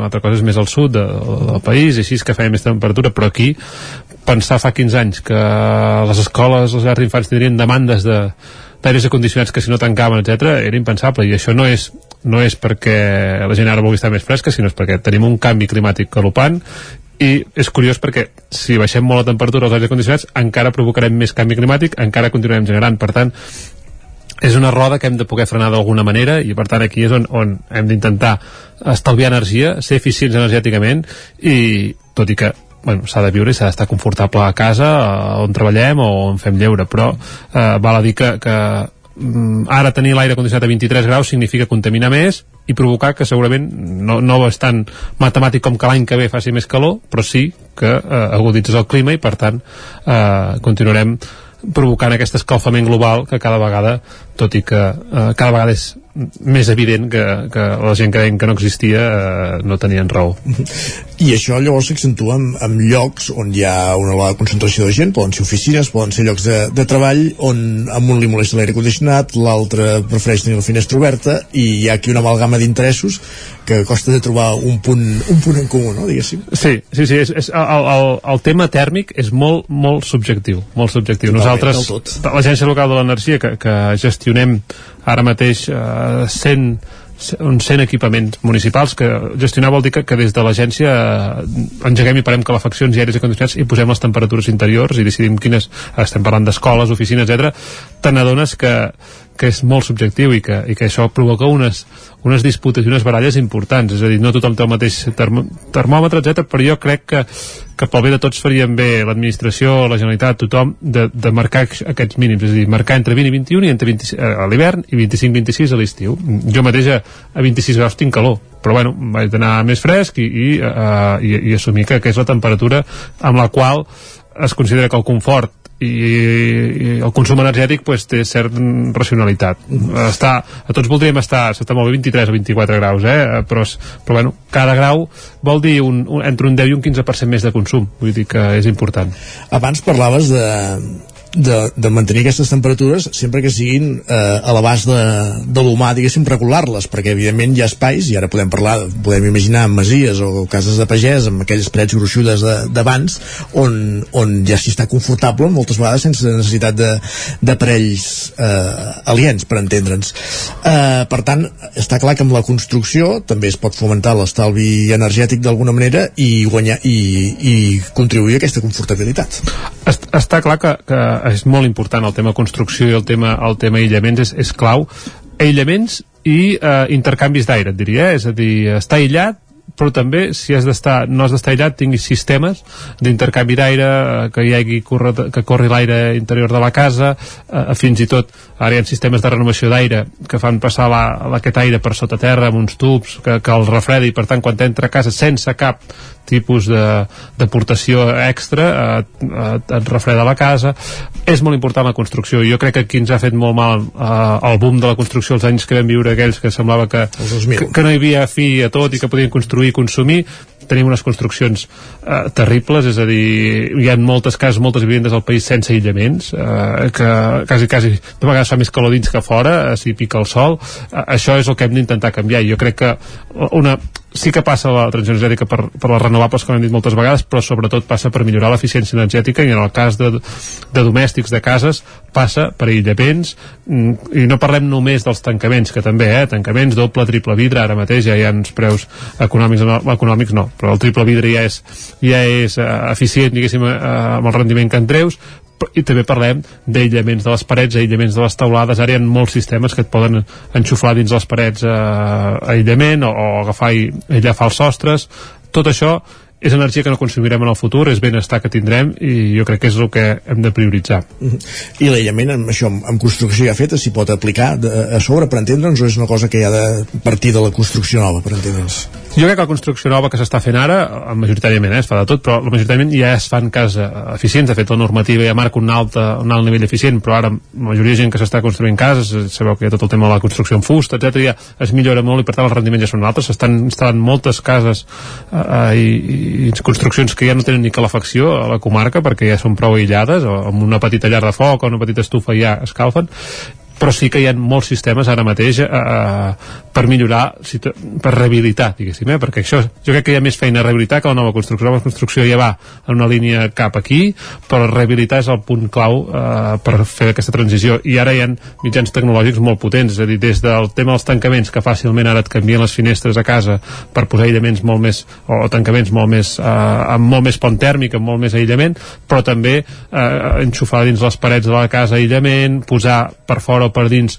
gruixos de, de suro, de cel·lulosa, etc. productes, a més a més ara hi ha molts productes naturals que els pots ficar a dins de casa o, o així, encara que estiguin en contacte no passa res i per tant jo recomano a tothom que tingui ara mateix problemes perquè, hosti, de seguida a la casa ens arriba a 28 a 30 graus posem un aire condicionat això és el més fàcil i molts hi passem, eh? però eh, paral·lelament mira què pots fer. Aïlla el sostre, el, el sol t'entra per dalt el sota teulada està a 40 graus quan escalfa el sol. Per tant, si allà hi poses un aïllament segurament no arribaràs a 28 sinó que arribaràs a 26 i l'aire et suposarà un, una aportació energètic, uns costos energètics que tal com està l'energia elèctrica, si no tens autoconsum, no tens plaques, eh, ho pagaràs molt car. A més a més, el que dèiem, eh? és a dir, si, si augmentem el consum d'energies fòssils, si augmentem, si augmentem la contaminació i el consum energètic, d'aquí uns quants anys estarem encara més temperatura i és una roda que hem de poder parar, i parar-la vol dir estalviar energia. Està bé donar el missatge perquè segurament el primer que hem de fer no venim a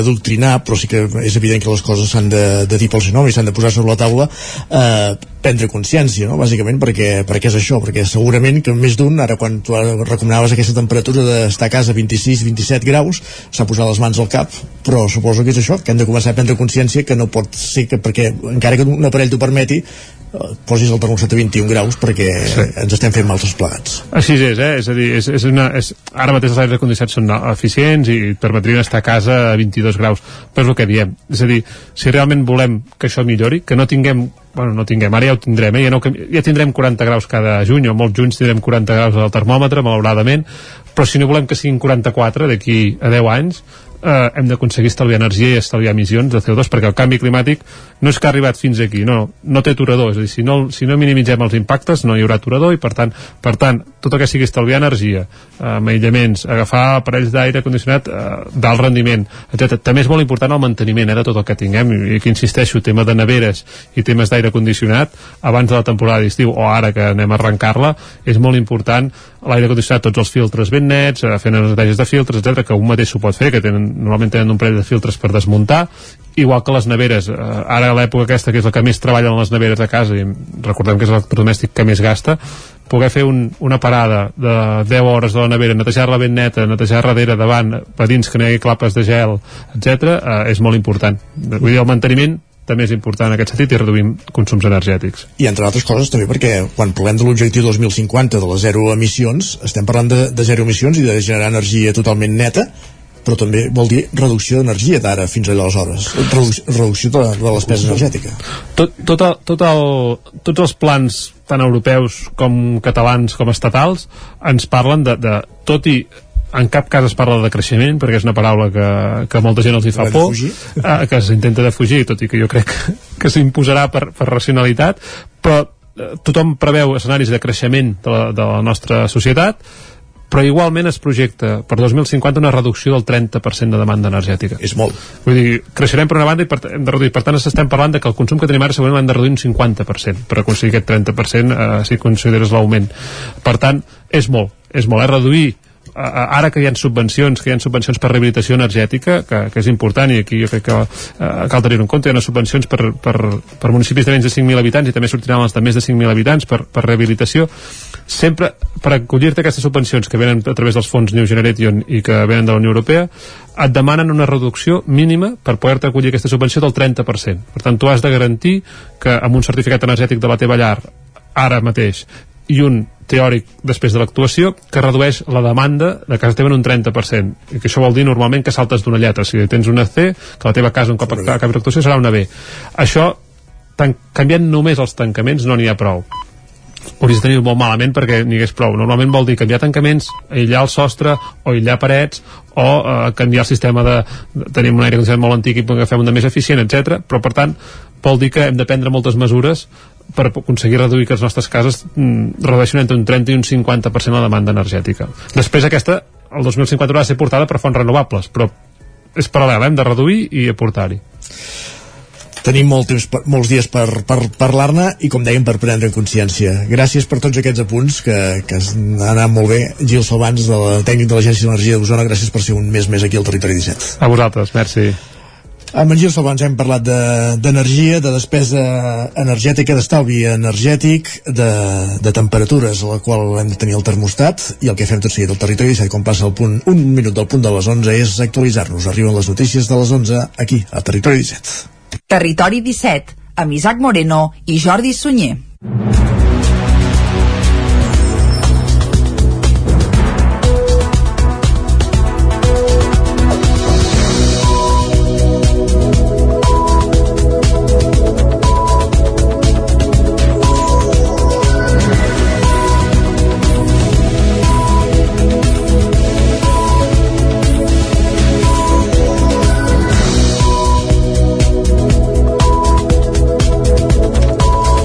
Anna reposta perquè el seu relleu com a cap de llista de Junts per Catalunya a l'alcaldia de Vic surti de l'actual grup municipal. Recorda, tot i així, que hi podrà optar qualsevol persona del partit que presenti els avals a l'assemblea prevista per aquest dijous. En una entrevista concedida al 9-9 i al 9-TV, Anna R deixava ben clar que aposta perquè el seu relleu l'agafi algun dels regidors que ja forma part de l'actual grup municipal. L'escoltem. Tinc un equip molt potent, eh, moltes persones podrien ser possibles doncs, candidats a l'alcaldia i em sembla que qui es vegi amb cor i es presenti dijous i tindrà doncs, el meu suport al, al costat.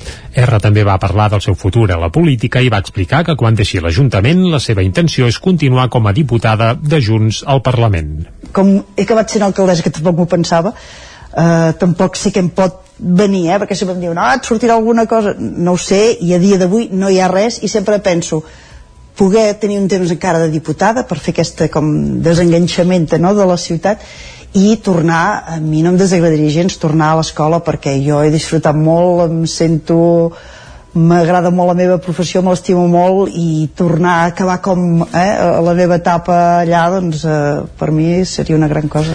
R actualment també és vicepresidenta de Junts per Catalunya en la direcció sorgida del Congrés fet fa pocs dies a Argelers.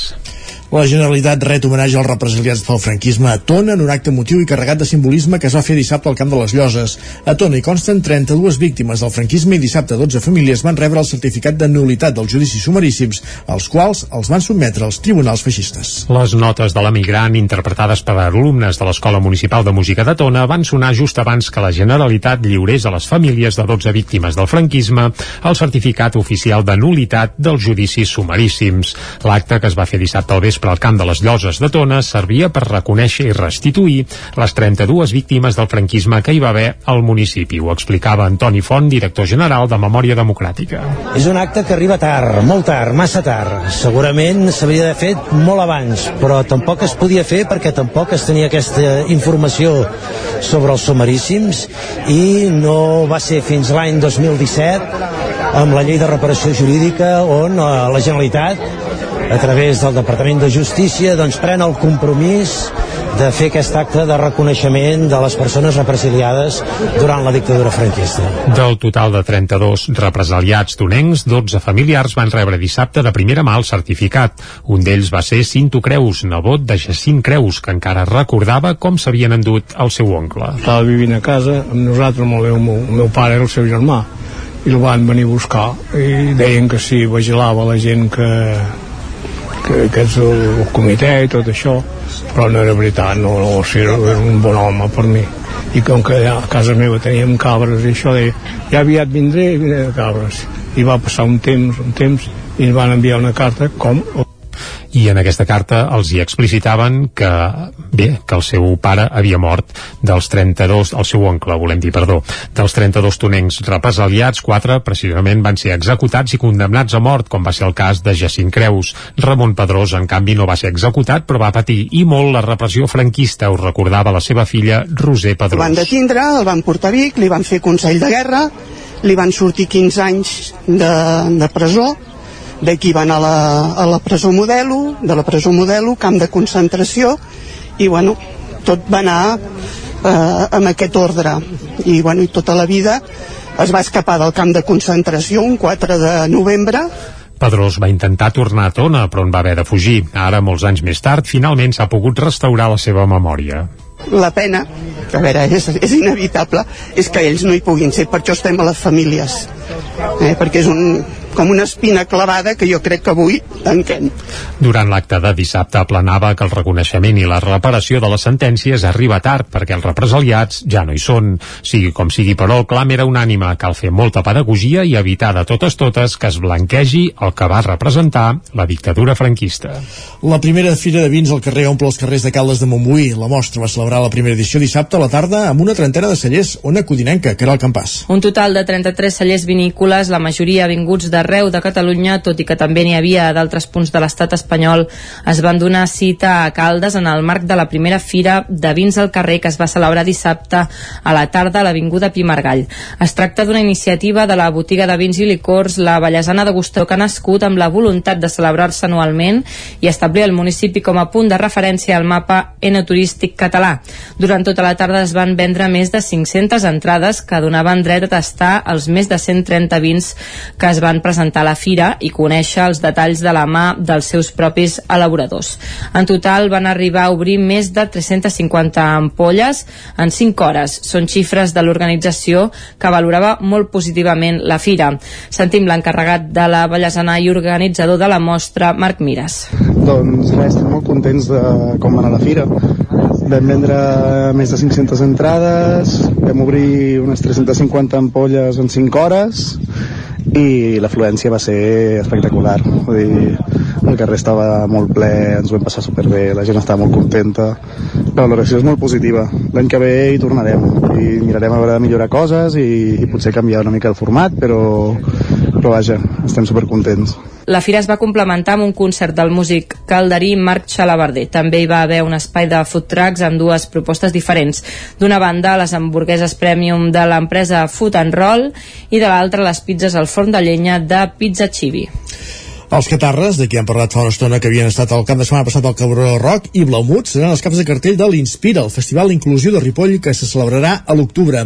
Isaac Muntades, la veu de Sant Joan. El pròxim 8 d'octubre és la data escollida per celebrar la tercera edició del Festival Inclusiu Inspira 2022. Es tracta d'un certamen de música organitzat per la Fundació Mavi amb la inestimable ajuda de l'Ajuntament de Ripoll, que va néixer l'any 2018 per celebrar el cinquantenari de la Fundació i que va comptar amb l'ajuda de Charango, que llavors va tocar-hi de forma gratuïta. Enguany el festival té dos caps de cartell cartell destacats, els Catarres i Blaumut. Novament el festival es farà a la Devesa del Pla de Ripoll i començarà a les 11 del matí amb una cerca vila dels gegants i els grellers des del centre del poble fins a la zona del festival. El grup d'animació infantil Xiula obrirà foc i just després actuarà Clams, que és un grup inclusiu. La veu de Sant Joan també hi serà present fent programa en directe i entrevistant els diferents artistes. A la tarda hi haurà l'espectacle de contes de la companyia de teatre de la Fundació MAP i ara què? Tot seguit arribarà el primer dels plats forts amb el torn de Blaumut i entremig es podrà veure P9, un espectacle de dansa inclusiva fet per Eva Durban que es va gestar l'any 2019 i que és molt emotiu. Abans de les 9 del vespre serà el torn dels Catarres i finalment Marcel i Júlia i DJs pel canvi tancaran la jornada. Roger Bosch, de la Fundació MAP, explicava que es posaran a la venda 5.000 entrades a partir del 15 de juny i que el festival està pensat per fer-se de dia i per les famílies. És un festival on passen moltes coses i encara que sembli difícil, el que intentem és aconseguir que passin en el moment que han de passar. Sí que és cert que com que aquest any el festival arrenca a les 11 del matí, el que preveiem és que Catarres, que segurament al final tots els festivals acaben tinguent una mica un cap de cartell, o aquell artista que, que creus que pot reclamar més l'atenció al públic, doncs no podia començar més tard de les 9, no? pensant doncs, en aquelles famílies que vulguin arribar al festival a les 11 del matí i vulguin passar tot el dia amb nosaltres, no tindria sentit començar a Catarres molt més tard perquè eh, veiem que si no seria difícil segurament per, pels més petits doncs, poder-hi arribar. Bosch també va subratllar que la meitat dels espectacles són inclusius. En aquest sentit, la directora gerent de la Fundació, Armínia Ordeig, va apuntar que l'Inspira és un festival singular que pretén sensibilitzar i normalitzar que hi hagi espectacles que els ofereixin persones amb diferents capacitats. Ordeig també va admetre que els dos anys de pandèmia han provocat que hi hagués un risc que l'Inspira desaparegués, però l'esforç de tothom ho ha evitat. Ordeig va comparar com es va finançar el 2018 i aquest 2022. I en aquest cas Charango doncs, feia eh, la seva actuació gratis, d'una aportació seva de Charango. Això, evidentment, va facilitar doncs, que a nivell econòmic ens atrevíssim a tirar endavant perquè ho, ve ho van veure viable. No? A partir d'aquí, l'any 2019, l'any següent, i en aquest cas hi va haver-hi la col·laboració d'un altre grup, en aquest cas que va ser el Pot Petit, que també doncs, van fer l'espectacle social, diríem. Vale? Tot i això, el pressupost ja va pujar molt més. No? Aquest any doncs, ja no és així, aquest any doncs, eh, no tenim tampoc cap grup que faci la seva aportació social i per tant doncs, a nivell econòmic sí que és cert doncs, que el pressupost va pujant no? però bueno, per això agraïm moltíssim la col·laboració en aquest cas de l'Ajuntament de Ripoll en què participa doncs, en, en les despeses de l'organització també del festival i amb una aportació econòmica L'Inspira és un festival que sobretot es finança amb els diners de les entrades i de les barres que hi ha instal·lades. El més important és que més d'un centenar de voluntaris fan possible que tiri endavant un any més. Recordeu la data d'aquest festival inclusiu, el 8 d'octubre. I ara anem als esports. Esports. Perquè a la pàgina esportiva us hem d'explicar que el Club Bàsquet Granollers es proclama, proclama campió de la Copa Catalunya i torna a la Lliga EVA. L'equip de Toni Oliveres, al play-off, ha derrotat el Tarragona B 75-66 a les semifinals i els Jack Sants a la final per 65 a 59. Ens ho amplia la Núria Lázaro des de Ràdio Televisió Cardedeu. Un any després del seu descens a Copa Catalunya, el Club Bàsquet Granollers torna a Lliga EVA i posa així el colofó una gran primera temporada amb Toni Olivares a la banqueta. Els granollarins van ser els millors d'una final a 4 disputada a Cunit i en què primerament van derrotar el CB Tarragona B a les semifinals de dissabte i posteriorment diumenge al Jack Sants Barcelona. La victòria també reforça la celebració del 90è aniversari que el club està celebrant enguany. L'equip que entrena Toni Olivares va començar amb molta empenta, dominant la zona i corrent el contraatac en els primers minuts. De fet, així van arribar les primeres cistelles del partit d'Oms i Seidi. El Jack Sants va entrar un pèl fred al partit, però de mica en mica van igualant la intensitat granollarina. Tot i així, el Granollers va ser molt superior amb uns bons minuts finals de Pol Cervantes, amb dues cistelles i dos triples, un d'Oms i l'altre de Castro. Els granollarins van acabar el primer període amb molt bones sensacions, 20 a 12. Amb un final ajustat i amb tot obert, els jugadors dels Sants se'ls van congir el canell i malgrat una badada defensiva que permetia als barcelonins posar-se dos punts, dos tirs lliures de Vinyà Llonga i una safata de Jordi Serra al darrer minut van donar el triomf i l'ascens al Club Bàsquet Granollers. I un últim apunt esportiu, Núria, perquè el Club Sincronitzat de Cardedeu obté molt bons resultats del Campionat de Catalunya que s'ha celebrat a Lloret. Les noves generacions s'estan formant i van progressant positivament i així ho han demostrat, com dèiem, a la Copa Catalana. El club va pujar en tres ocasions al podi. La primera medalla va arribar a la modalitat combo de nivell 1 i les altres dues de plata i bronze a la categoria de duet nivell 1. El club també s'hi va presentar a la categoria Copa 2 on van demostrar la millora tant tècnicament com com a grup. I a Copa 3, on era la primera vegada que competien en duets, Lucía Núñez i Sofia Prat.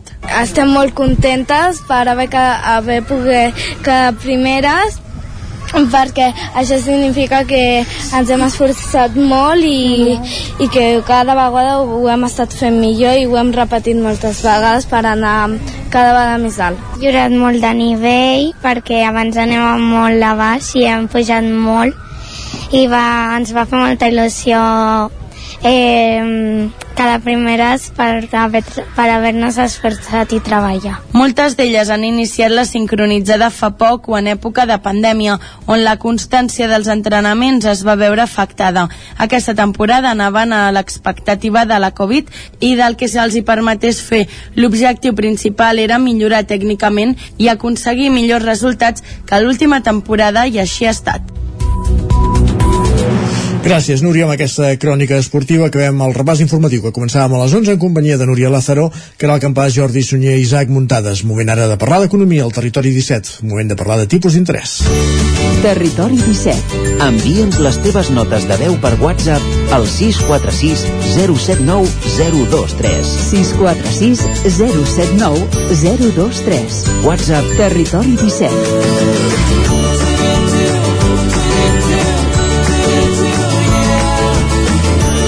Territori 17.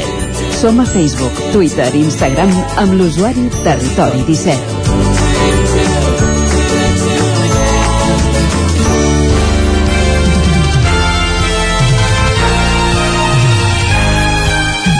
Ho dèiem abans, el primer tipus d'interès que ens acompanya és el és qui ens acompanya, en Joan Carles A. Redondo. Bon dia, benvingut. Bon dia. Amb el cap d'Economia del 9-9 del Vallès Oriental, el que fem és avui parlar precisament de, de tipus d'interès perquè estan pujant, estan incrementant el seu valor.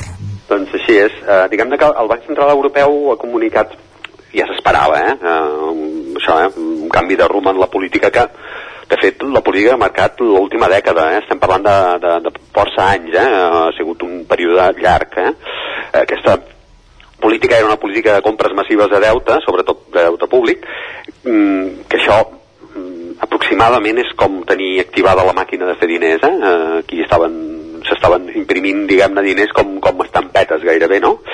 I sobretot, mm, bàsicament, del tipus d'interès a zero, eh? el que més afectava segurament a la butxaca directa dels ciutadans era aquest tipus d'interès a, a, a, a, a tipus zero. Um, um, això es va activar eh, amb aquell whatever it takes del, del, del que llavors era el president del Banc Central Europeu, Mario Draghi, mm, eh, va ser una mesura, va, va ser un, el llançament d'un seguit de mesures que intentaven evitar totes les turbulències que estaven amenaçant fins i tot la mateixa, la mateixa estabilitat de l'euro. La setmana passada la successora de, de, de Draghi al, al capdavant del Banc Central Europeu, Christine Lagarde, eh, va comunicar el que es portava mesos esperant, eh? polítiques d'estímul econòmic ja deixen de ser la guia política bancària, eh, la, la política bancària europea, eh, les compres massives de deute queden suspeses i els tipus d'interès començaran a pujar entre el juny i el setembre. Serà a raó de 0,25%, eh, més o menys cada vegada que s'activi algun increment, mentre es consideri necessari. Tot això és, eh, el, diguem-ne, eh, diguem-ne, és el, el, el marc de, de, de, de que explicarem tot plegat intentarem es, explicar una mica uh -huh. um, què suposa això, eh, diguem-ne, per les butxaques dels ciutadans i, i una mica més, eh? Doncs ja, posem-hi llum. Uh, Europa ha començat doncs, el viatge de tornada del camí que van prendre, si plau per força, eh, va ser Jean-Claude Trichet, el predecessor dels dos presidents del Banc Central Europeu que m'ha esmentat fins ara en el que es va considerar un error en la seva gestió eh, i marcat per l'ortodoxia que, que el caracteritzava, Trichet va pujar els tipus d'interès el 2008 per sobre del 4%, eh? estem parlant del 4% llavors ara estàvem al 0%. Eh?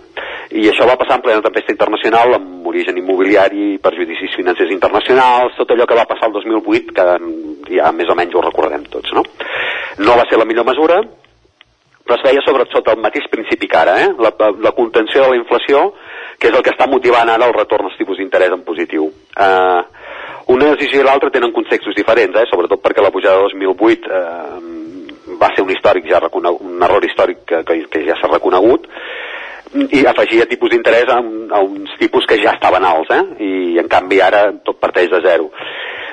Són, per tant, efectivament contextos diferents, però hi ha un punt de connexió. Eh? Els tipus d'interès s'apugen en un moment de turbulència econòmica. I diguem-ne que les experiències de fer pujar els tipus d'interès en moments de turbulències econòmiques mm, estan demostrant que potser no són les mesures més pertinents. El que dèiem, eh? eh, quin efecte té la butxaca.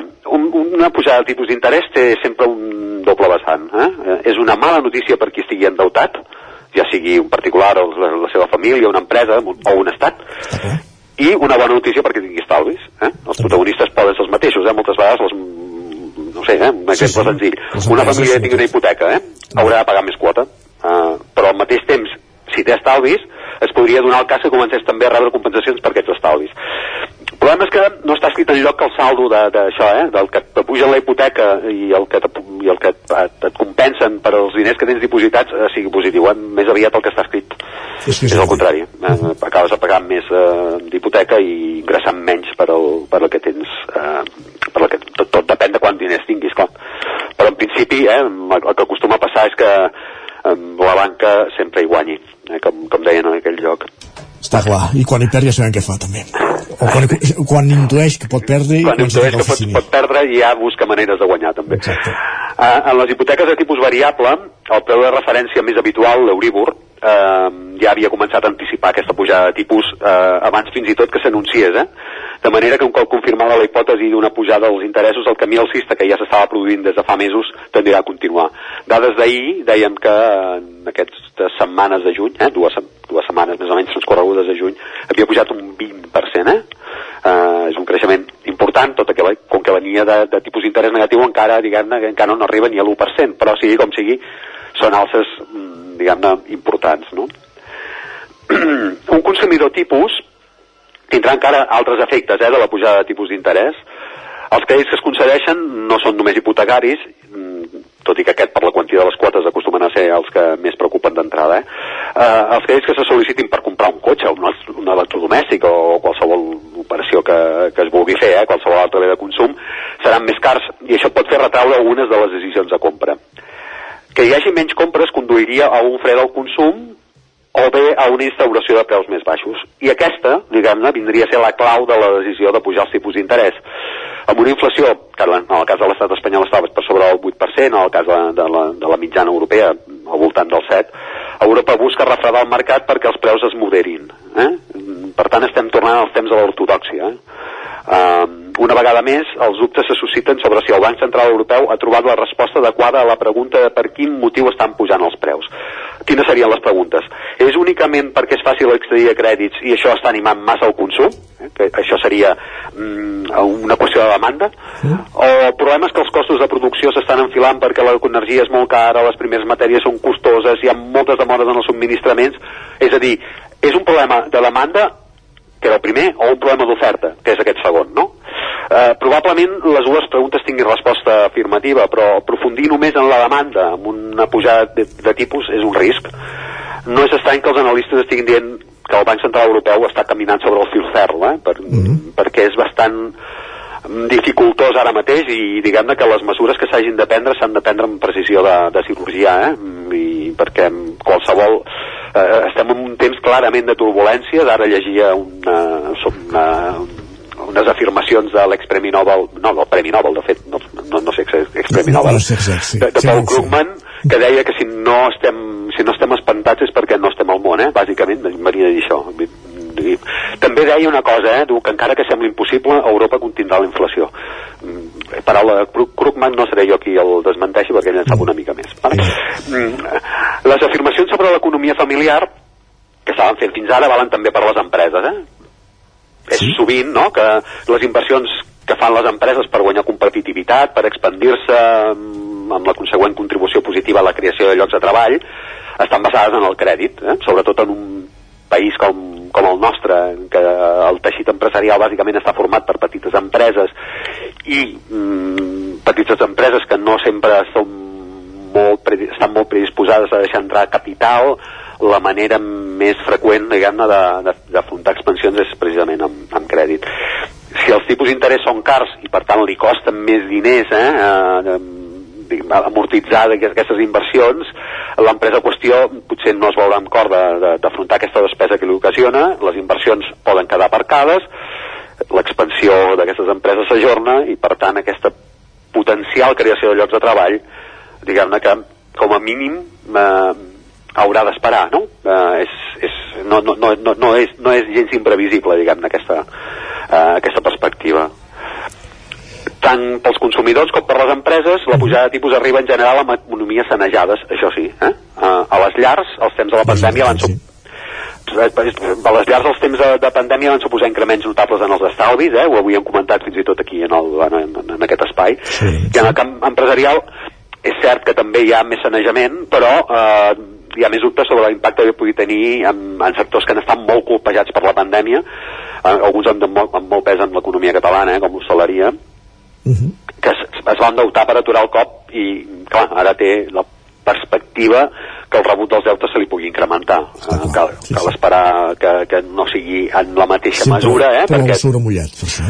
Però aquests poden tenir, sí, és cert, algun, algun tipus de dificultat amb això, no? Uh -huh. Mentre el consum privat, eh, ja, en el consum privat hi ha incertesa sobre l'impacte de l'increment de tipus, sobretot si té la, continu la continuïtat que s'aventura, eh?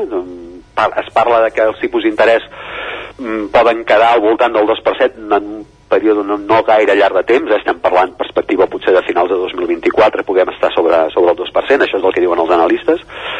Sí que hi ha més consens sobre les dificultats que pot comportar pel sector públic, aquest sí, molt endeutat. Uh -huh. Els estats en general, l'espanyol en particular, s'han hagut d'endeutar per afrontar la despesa que s'ha derivat de la pandèmia. Ja no només ha sigut per enfortir més poc que molt, tot s'ha de dir, eh? l'assistència sanitària, eh? s'han hagut de destinar molts recursos, diguem a l'atenció sanitària de la població que ha quedat afectada per, per la malaltia, sinó també per concedir ajuts a sectors perjudicats. Eh? Hem, hem estat veient com encara ara eh? s'estan s'estan s'estan eh, donant, diguem-ne, de, determinades administracions estan donant diners per salvar empreses que són viables perquè han estat molt afectades per la pandèmia és el cas de Celsa, és una empresa molt important del sector siderúrgic i que està amb clares dificultats ara perquè no es posen d'acord eh, determinats accionistes i, i aquesta empresa pot estar en perill, eh? Mm, podem, podem estar atents. Don, doncs dèiem això, eh, que han, han hagut d'ajudar diguem aquestes empreses que s'estaven en dificultat i també tots aquests treballadors que han estat afectats per ERTOs, eh, per exemple, eh, amb prestacions d'atur. No? Um, tenim un estat amb 1,45 milions d'euros d'endeutament públic i això, una, amb, aquest, amb aquestes quantitats, una pujada de tipus d'interès, encara que sigui molt mínima, es tradueix de seguida un increment de costos de pagament de milers de milions. Càlculs fets amb números grossos, mm, això cal aclarir-ho, però indiquen que el cost del pagament dels deutes s'incrementarà amb 6.400 milions d'euros a l'estat espanyol els dos anys vinents.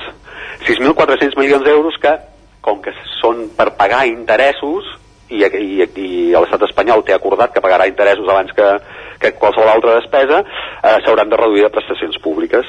El que uneix la línia de punts a tots els efectes sobre particulars i empreses i administracions és que venen temps d'austeritat, eh? i aquesta vegada eh, no perquè ho dictin les autoritats europees, sinó per pur instint de supervivència econòmica. Podríem dir que el titular és torna a l'austeritat. Torna a l'austeritat, amb aquest missatge ens quedem, eh, no, portem una sèrie d'anys que, que anem ensopegant crisis, sigui una o altra. Eh? Una, una darrere l'altra. Veurem com evoluciona. Moltíssimes gràcies, Joan Carles, un gràcies dimarts més per ser avui al Territori 17. Bon dia. I eh, què fem és continuar, continuar al territori 17, fem tot seguit una petita pausa, però tornem de seguida. Tres minutets i passejarem per l'R3 amb una de les cròniques que ens acosta cada dia l'Isaac Muntades des del Bé de Sant Joan i acabarem el programa al territori dona. Fem, res, fem una pausa de 3 minuts, com dèiem, i tornem. Fins ara mateix. El nou FM, la ràdio de casa, al 92.8. Si tens pensat canviar la caldera o posar aire condicionat, posa't en mans de Pradell. Tenen les millors ofertes.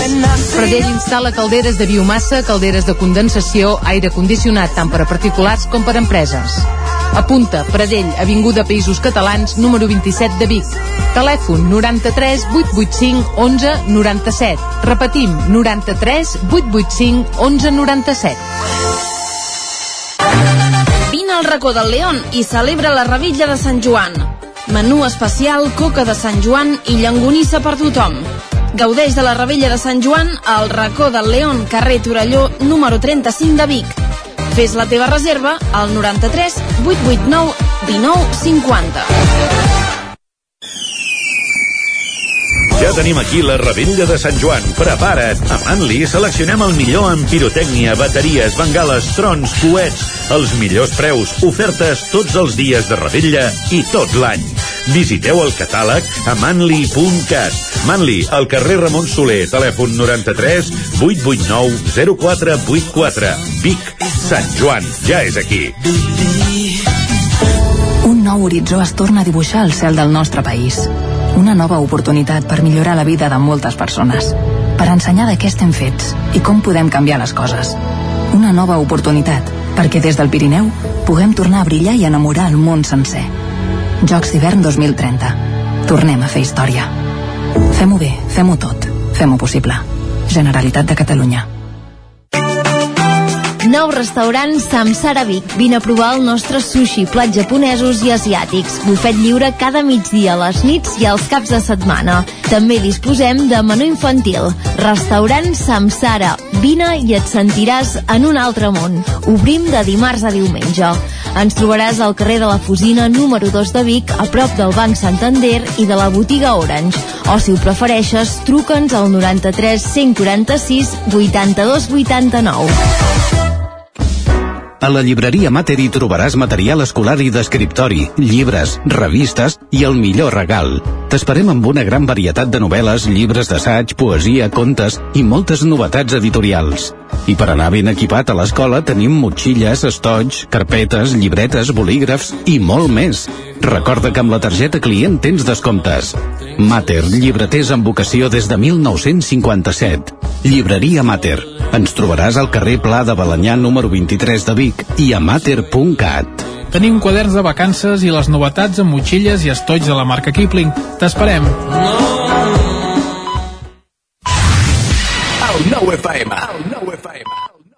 Territori 17. A Tren d'Alba. Cada dia els usuaris de la línia R3 de Rodalies que veuen sortir el sol des d'un vagó ens expliquen les gràcies i les penes del primer comboi que uneix Ripoll i Barcelona. Benvinguts a Tren d'Alba. El col·lectiu Perquè no ens fotin el tren va publicar al seu Twitter que estaven buscant algú que fes un mínim de dos o tres viatges per setmana entre Puigcerdà i Barcelona en tren amb l'R3. També valia el trajecte a l'inrevés. La plataforma demanava que les persones que complissin aquests requisits els enviessin un missatge per privat o a perquè no ens fotin el tren arroba gmail.com. Als comentaris algú deia que les persones que complissin amb aquestes directrius eren uns herois. Certament és un trajecte de més de dues hores, o fins a tres si hi ha retards o imprevistos. És normal que després hi hagi gent que opti pel transport privat i no pel públic. Difícilment es pot tenir vida particular si de les 24 hores del dia 8 estem dormint, 8 treballant i 4 o 5 viatjant. En queden 3 o 4 per fer la resta d'activitats com menjar, comprar, etc. Això sí, de l'oci ja us en podeu oblidar. A veure què ens diu en Jordi Valls en la seva crònica d'avui. Bon dia, sóc en Jordi de Centelles. Perdoneu que tinc la veu robada i estic una miqueta enfebradot. Coses que passa de pujar, baixar, aires condicionats, finestres obertes, tancades... Ai, també va bé posar-se la mascareta al transport públic per a aquests casos, com fan els coreans o els japonesos, per exemple. Aquestes persones la fan servir per no contaminar la resta de la gent, però aquí som especialets. Tan especialets que l'ús de la mascareta, si us fixeu, sembla que vagi per franges horàries, com les vagues dels trens. A primera hora gairebé tothom la porta. Sí, sí, tothom, gairebé tothom la porta. Fins i tot aquell o aquella que està dormint arrepenjat a la finestra. A migdia o a la tornada una mica cap a la tarda, força gent la porta. Ai, però si anem al vespre nit a caps de setmana o dies de festa, ets el friki que la portes. Perdoneu, però és important portar-la. Tampoc ens ho demanen tant. Potser ens hauríem de plantejar si cal o no cal. Però que no tan sols és per la Covid, que és per altres bitxos que tenim i per no compartir. No siguem egoistes, si us plau. Res més, una miqueta de missatge sanitari en un viatge en tren. Que una Renfe qualsevol i una Rodalies o roba vides, és que m'agrada tant això de roba vides de Catalunya, no us espatlli la màgia del tren. Adéu-siau. Ja ho veieu. Segurament, si us poséssiu la mascareta al tren, en Jordi no estaria malalt. No només existeix el coronavirus, hi ha altres virus com la grip que també ens golpegen amb força. L'altre dia també vaig sentir que molta gent porta posada la mascareta fins que entra al tren, però un cop a dins se la treuen perquè ja no els veu ningú. Després només se l'han de posar quan passa a vigilar el revisor de tant en tant. Va, ens retrobem demà amb més històries del tren i de la R3. Territori, Territori 17. 17. Territori 17.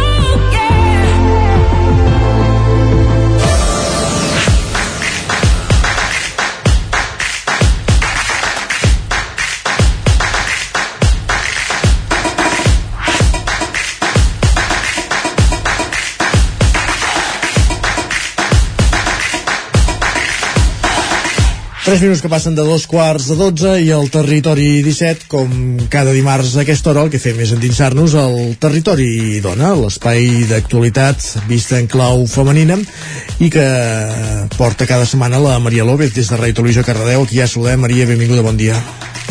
Molt bon dia, Isaac, com estem? Bé, i tu? Doncs mira, aquí preparada per un nou eh, territori dona, comencem de nou una nova tertúlia amb tota aquesta intenció de posar sobre la taula els debats diaris al voltant de la lluita feminista. I com no podia ser d'una altra manera, per la tertúlia d'avui comptem amb les companyes de Territori 17, des d'Ona Codinenca avui ens acompanya la Caral Campàs, que ens parlarà d'un tema que els darrers anys, i en comparativa amb altres països, sembla que comença a guanyar importància també aquí, oi que sí, Caral? Sí, us, parlo, us parlaré de la violència obstètrica, que com bé dius és un concepte que els últims anys s'ha anat fent present a la societat i cada vegada agafa més força. I bé, la violència obstètrica ja ens, us en parlaré més endavant, però és aquella que pateixen les dones durant l'embaràs o el part.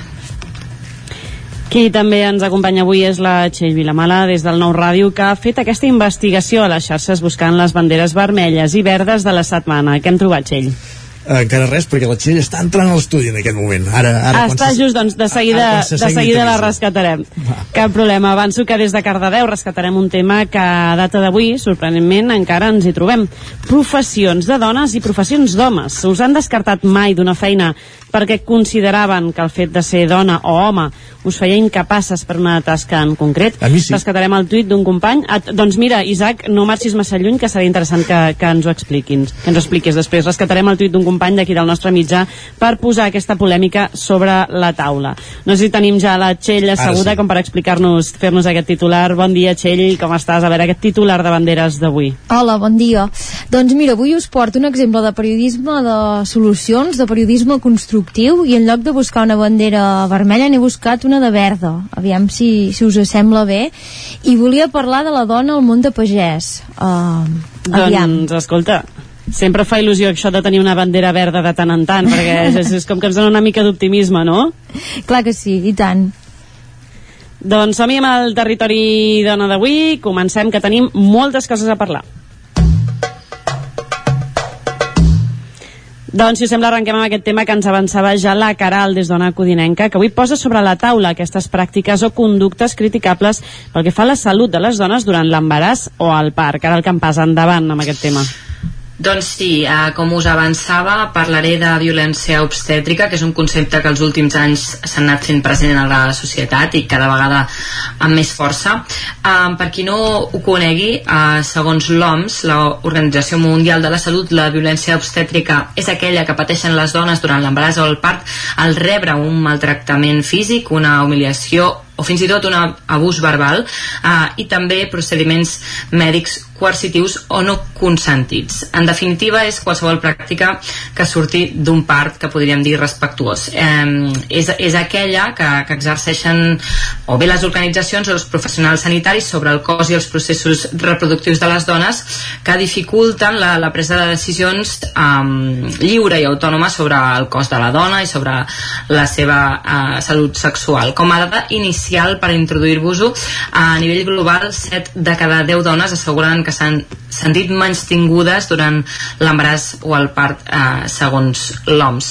Uh, us ho explico concretament. Um, podríem dir que són pràctiques constitutives de, de violència obstètrica, les induccions o epistomies innecessàries o injustificades, cesàries poc respectuoses, tècniques obsoletes i desaconsellades com la maniobra de Kirsteller eh, quan el professional exerceix pressió sobre l'abdomen per afavorir la sortida del nadó i que està totalment desaconsellada. També la infantilització de la dona el tracte deshumanitzat o la medicalització injustificada. Aquestes són situacions que denuncien associacions com El Parto es Nuestro, Dona Llum o també una altra creada fa poc que es diu que s'anomena MARA. Eh, bé, també aquestes entitats eh, denuncien i, i eh, que la violència obstètrica també va una mica més enllà i parlen també de que ho consideren l'impediment de l'avortament segons els supòsits legals establerts en cada país concret, també la dificultat d'accedir a mètodes anticonceptius eh, i també la dificultat d'accedir a mètodes de prevenció d'infeccions de transmissió sexual i també a, a mètodes de reproducció assistida. Um, us dono també una altra dada perquè, perquè pugueu anar-vos anar fent una idea i és que la, la taxa de cesàries a Catalunya uh, un 27,4% és encara el doble del que recomana l'OMS que seria un, un 15%.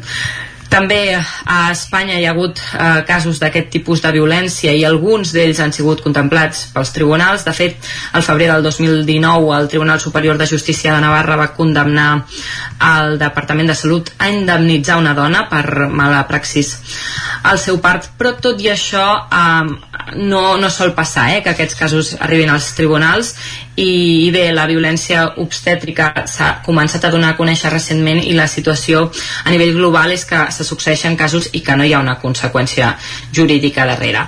També us dono unes altres dades per, per acabar amb Uh, les dades disponibles de febrer del 2021 mostren que gairebé un 40% de dones han patit aquest tipus de, de violència a nivell d'Espanya i un 44,4% de dones consideren que, van, que han sigut sotmeses a procediments innecessaris i dolorosos i entre aquestes el 83,4% no havia acceptat aquestes pràctiques uh, prèviament mitjançant un consentiment informat. Uh, són dades que, que les adverteix la OMS en un document de, que, i on també diu que, que la violència obstètrica és un greu problema de salut pública i insta els governs a dedicar més recursos a la investigació d'aquest tipus de violències. Eh, no sé si n'havíeu sentit a parlar vosaltres. Jo el que, el que trobo, no sé si, si ho veieu així, eh, és que és d'aquelles coses que no som conscients que és violència obstètrica fins que algú no ho ha posat sobre la taula. O sigui, eh, durant moltíssims anys ha sigut d'alguna manera crec que, que les dones quan hem hagut d'anar a, a l'hospital a, a tenir una criatura hem anat una mica a disposició de que quasi el que el metge necessités per tal que, que, que la cosa fes, eh, anés bé, no? sense ni tan sols plantejar-nos quin tipus de part eh, volíem o quines alternatives hi havia, no? Jo el, el, tinc dos fills, el gran el vaig tenir fa, eh, bueno, va néixer fa, fa 15 anys i, i en cap moment es va valorar quina era l'opció millor, si era correcta o no era correcta. A més, de manera quasi immediata, la que la cosa es va complicar una mica, es va plantejar una cesària. Llavors, eh, ja, crec que ha sigut durant molts anys un tipus de, de violència que no s'ha detectat com a tal, sinó que d'alguna manera s'ha agafat un, un procediment mèdic i, i ha entrat allà a la roda i, i com també des del desconeixement, no? perquè al final arribes a l'hospital i a tu et diuen això és el més aconsellable i confies en què és el més aconsellable, no? I quan comences a sentir la resta de casos, eh, comences a plantejar-te fins a quin punt això era el més aconsellable realment o fins a quin punt era el més pràctic pel, pel metge de turno, no? La persona que ho havia de fer ja li anava era més ràpid i amb menys complicacions i ja està. Llavors, és una cosa que crec que ara que es qüestiona, deu haver-hi eh, moltes dones, com és el meu cas, en el que et comences a plantejar si realment vas tenir totes les opcions o si no ha sigut, doncs això, d'alguna manera, una víctima més d'un sistema que, que moltes, moltes vegades, per desgràcia, s'acaba deshumanitzant per la pràctica diària, no? Estic super d'acord amb això que dius Maria i segurament el primer pas és això, reconèixer que existeix i poder-la detectar, no? Eh, de fet el que parlem moltes vegades al territori dona és que des del moment en què tenim eines per ser conscients de les múltiples discriminacions que patim doncs, eh, per tant, com que en som conscients tenim oportunitat de, de començar-la a canviar per tant, en aquest sentit que bé que en parlem avui, Caral, que bé que hagis tret aquest tema, eh, que bé que socialment cada vegada tingui més pes també el l'agenda pública i, i, i al final uh, segurament el, el que estaves dient també uh, a tu, tu Maria eh, uh, com d'important és que les dones tinguem tanta informació com sigui possible a través de tots els canals també possibles perquè puguem prendre les nostres pròpies decisions. No perquè sempre hi hagi d'haver una mala praxis o, o una mala intenció per part dels professionals sinó perquè òbviament els professionals les persones no sabem què desitgem o què desitgen les altres persones. I podem poderar la dona i que tingui aquesta capacitat de decidir és fonamental. Jo no sóc mare, eh, no he passat mai per un peritori ni m'han fet una cesària, però potser tu, Maria, sí que ens ho pots explicar eh, en el moment en què acabes l'embaràs, diguem, quan estàs a poques setmanes abans de donar llum, no es demana a les mares d'omplir un, un document de part per explicar com, com es vol que sigui eh, al moment de la intervenció o, o això és molt modern i m'ho sembla a mi fa uns anys no es feia tampoc ets gaire gran, eh, Maria? No, però sí que és veritat que el, els nens que tinc són el gran té 15 i el petit té 10 i en el seu moment a mi no m'ho van no m'ho van demanar pas. Uh, sí que sé que ara és més habitual que almenys uh, al llarg de tots els mesos que vas anant fent les visites, bueno, les, les que vas a les sessions prepart, etc que la llevadora et faci aquesta consulta, no? perquè també és molt més habitual que hi hagi, doncs, que la gent es plantegi, hi ha més informació, per les xarxes veus moltíssimes més coses, i ha crescut molt, de fet, eh, fa un temps vam entrevistar aquí la llevadora de Cardedeu, que, que ens va dir que havia crescut moltíssim la quantitat de persones, de dones que es plantejaven un pare a casa i almenys aquí a Cardedeu una xifra que s'havia disparat, entenc que és una, una tònica més generalitzada no? I, i això fa evident que en el moment en què tenim més informació i que, i que saps que hi ha aquestes opcions doncs te les planteges no? i m'has de dir, igual és el que, el que jo voldria no? però el simple fet, i ara tu deies molt bé no, Meritxell, el fet de posar uh, existeix la violència obstètrica, plantejar-nos què és això. I això vol dir que ningú t'ha consultat d'alguna manera com vols que sigui el teu pare o com sigui tot aquest procés i algú tira milles sense consultar-te o fins, fins i tot fent pràctiques que tu d'entrada has dit que no volies, sota uh, la, la, el títol de, o sota el, el, el titular de això és millor per tu, és el que convenia, perquè clar, com tu no saps, uh, no ets metge i se suposa que no saps el que, el que és millor, doncs et treuen no, aquest dret a opinar.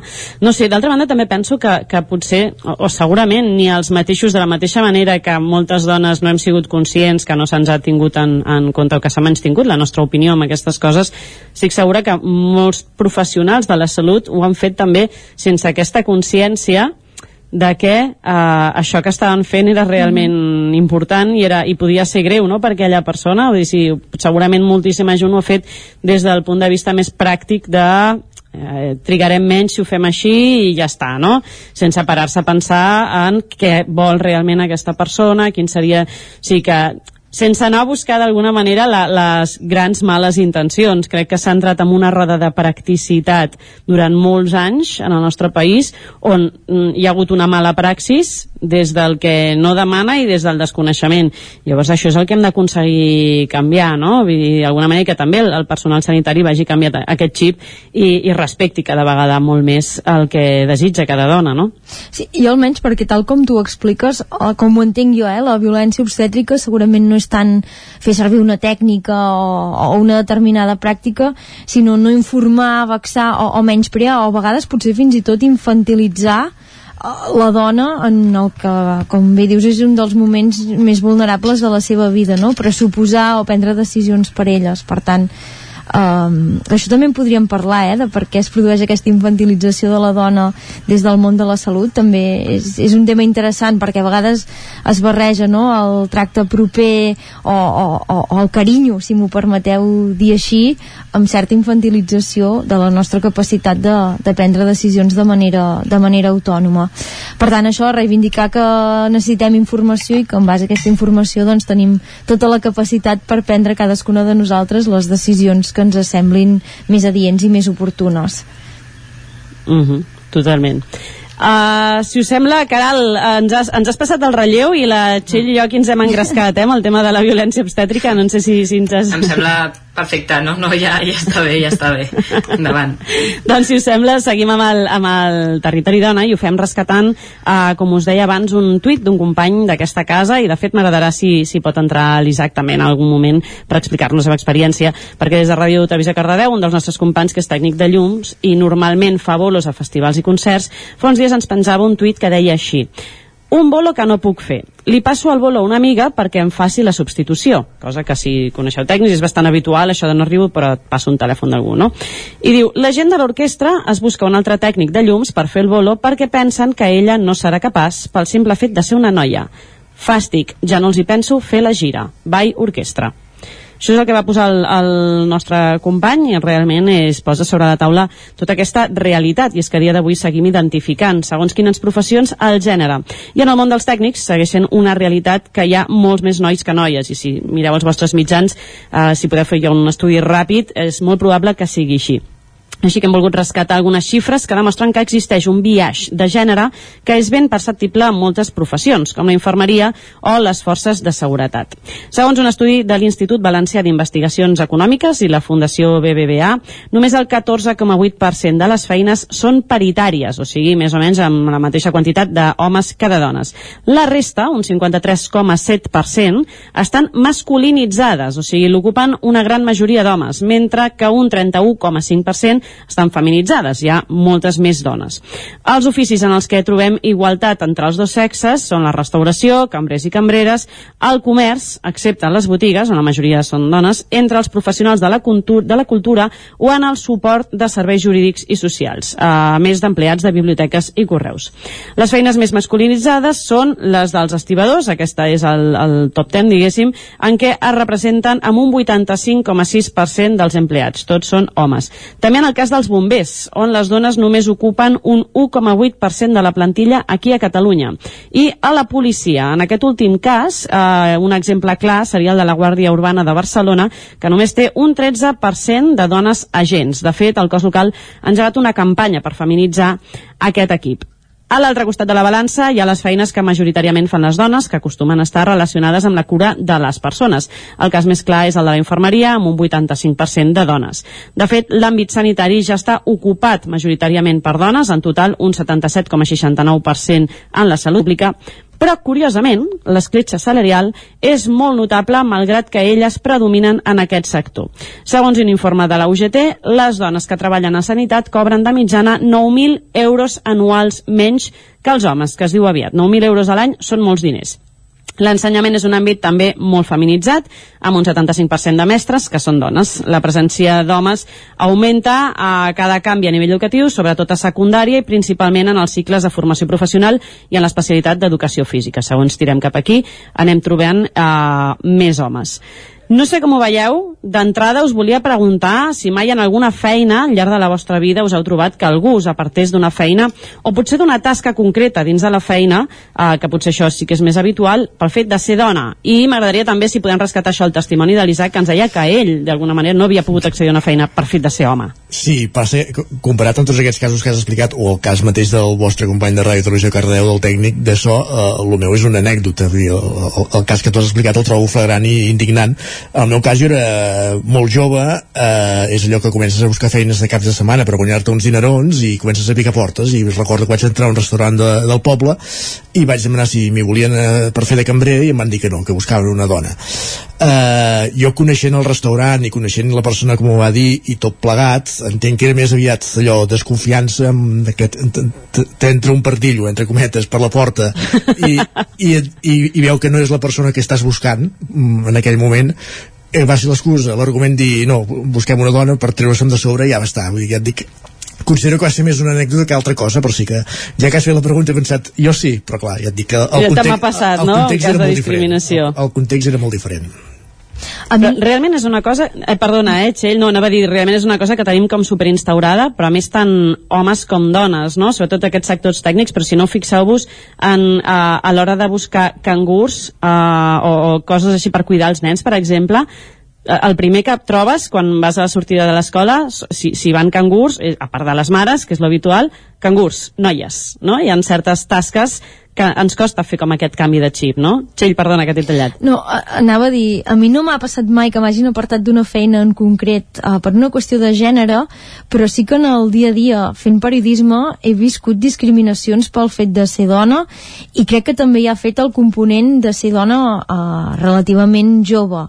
Uh, no sé si ho podreu compartir Maria Caral, Isaac també evidentment si vols fer alguna aportació però a vegades algú que uh, hagi desacreditat alguna informació teva dient ja ho parlaré amb X persona que acostuma a ser un home uh, més gran que tu uh, que segurament fa més temps que coneix que bueno, això pot ser un factor intrascendent sigui home o dona però sí que considera que li dona més confiança doncs uh, parlar el tema, diguem, d'home a home, de mascle a mascle, sense la sensibilitat, o és igual, en aquest cas sensibilitat, perquè sóc una persona amb molta empatia i sensibilitat, però és igual, sense altres atributs que són més propis de la dona. Això m'ha passat uh, diverses vegades i és una cosa que uh, realment m'ha fet pensar molt però també sabeu que jo sóc optimista de mena i penso que té els dies comptats eh? Uh, per sort uh,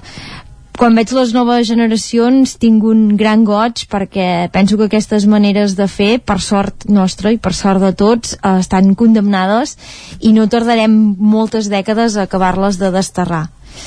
No ho sé, Maria Caral, si ho compartiu, si us hi heu trobat...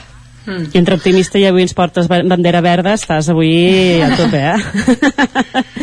caral, caral, arrenca. Sí, no, jo um, ara mateix no, no em ve al cap. Sí que em, em, em guiaria més per sensacions i sí que és cert que, que no, no et podria posar potser un exemple tan concret com el que tu comentes, Txell, d'alguna persona que et digui ostres, mira aquesta informació o el que sigui, ja la parlo amb algú altre um, que segur que m'ha passat, eh? però ara mateix no, no tinc cap, cap situació així, però sí que a nivell de sensacions um, moltes vegades uh, sí, sí que m'ha passat de pues, entrevistar alguna persona i potser que, que no et parli de manera tan seriosa o que um, bé, no, no, no et consideri potser una, una professional com perquè el puguis posar per, per exemple en, en polítics, polítics contra les cordes no?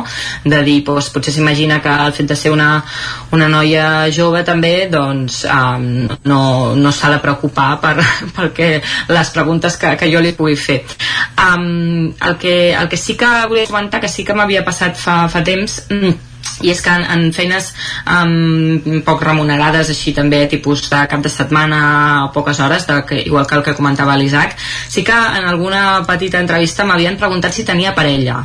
I això era un factor positiu a l'hora de poder aconseguir la feina. Ja, ja ho deixo aquí. Mare meva. Mare meva. Uh, jo, jo volia, em sembla això, de preguntar-les aquestes preguntes privades em sembla fragrant. Uh, jo només volia dir així molt ràpid, perquè vull deixar temps a la Txell, que tinc moltes ganes de conèixer aquesta bandera verda. Jo m'ho he trobat més amb el fet de la posició de directora, en el sentit de que sempre esperen que hi hagi algú darrere que sigui qui vingui a. I no pot ser que sigui una directora dona, no? Els hi costa d'entendre això i llavors et diuen, no, però amb qui ho puc parlar? No, no, és que és amb mi, amb parlar. No, però és que m'agradaria parlar amb el director. No, no, és que sóc jo. I aquí, eh, entre això, no? que igual per edat potser no els hi consta i que sigui dona, doncs encara costa una mica més de que t'encaixin en aquest rol. I si a sobre no tens una manera de dirigir massa autoritària, que sóc el zero en aquest sentit, vull dir que, que sóc com bastant, uh, no sé com dir-ho, eh? però no, no, no, no tinc un caràcter com molt, molt així, doncs encara quadra menys que pugui anar com de directora per la vida. Llavors és com una lluita, no? Sembla que, que, hagis, que si no ets home hagis d'agafar aquestes actituds més vinculades als homes a l'hora de dirigir i amb això, doncs mireu, uh, ens anem trobant. Molt ràpid, perdona Txell, perquè t'hem deixat temps superjust per aquesta bandera verda, però em moro de ganes d'escoltar-la, la veritat. No, que us deia, uh, això, una proposta avui més de periodisme constructiu, periodisme de solucions, que és aquesta idea de posar el focus en coses que es fan ben fetes i no tant en males praxis que s'han d'eliminar, de, que també és important parlar-ne, però bé, avui, mira, això, com que estic optimista, he buscat una bandera verda, i de fet, uh, ve a tom perquè uh, mirant a Twitter he vist l'Albert Espadamala, uh, pagès de Torelló, segur que em sembla que n'heu parlat altres vegades al Territori 17, que explicava que la caçadora de Masies uh, ara s'ha fet perfil a TikTok. Uh, per qui no conegui la caçadora de Masies, és una noia que es diu Marta Lloret, uh, que és tot un fenomen a les xarxes socials. Té 35.000 seguidors a Instagram i més de 38.000 a Twitter, i el que fa és fer difusió del patrimoni rural català, sobretot ensenya cases de pagès doncs, doncs d'arreu del país. Ella va començar ja fa 18 anys a documentar aquest patrimoni i fa una revisió històrica, també de l'evolució arquitectònica de construccions això que són petites joies i que estan quedant doncs, cada vegada més abandonades malgrat ser un tresor històric i cultural superimportant.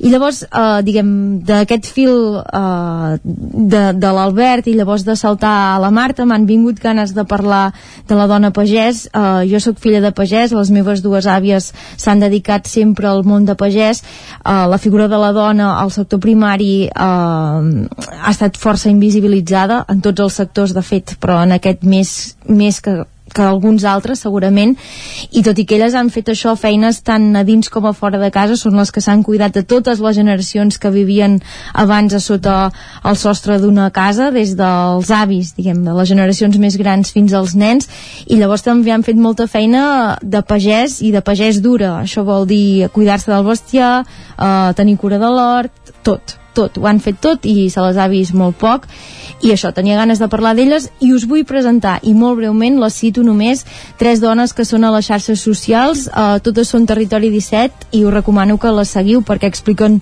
molt bé eh, de què va tot això del sector primari i de què va el segle XXI són, no serà cap sorpresa, l'Ima Puigcorbé de les Lloses, la Raquel Serrat, que és de Manlleu però que la tenim a Pardines cuidant i criant cavalls, i la Maria Nicolau de Vilanova.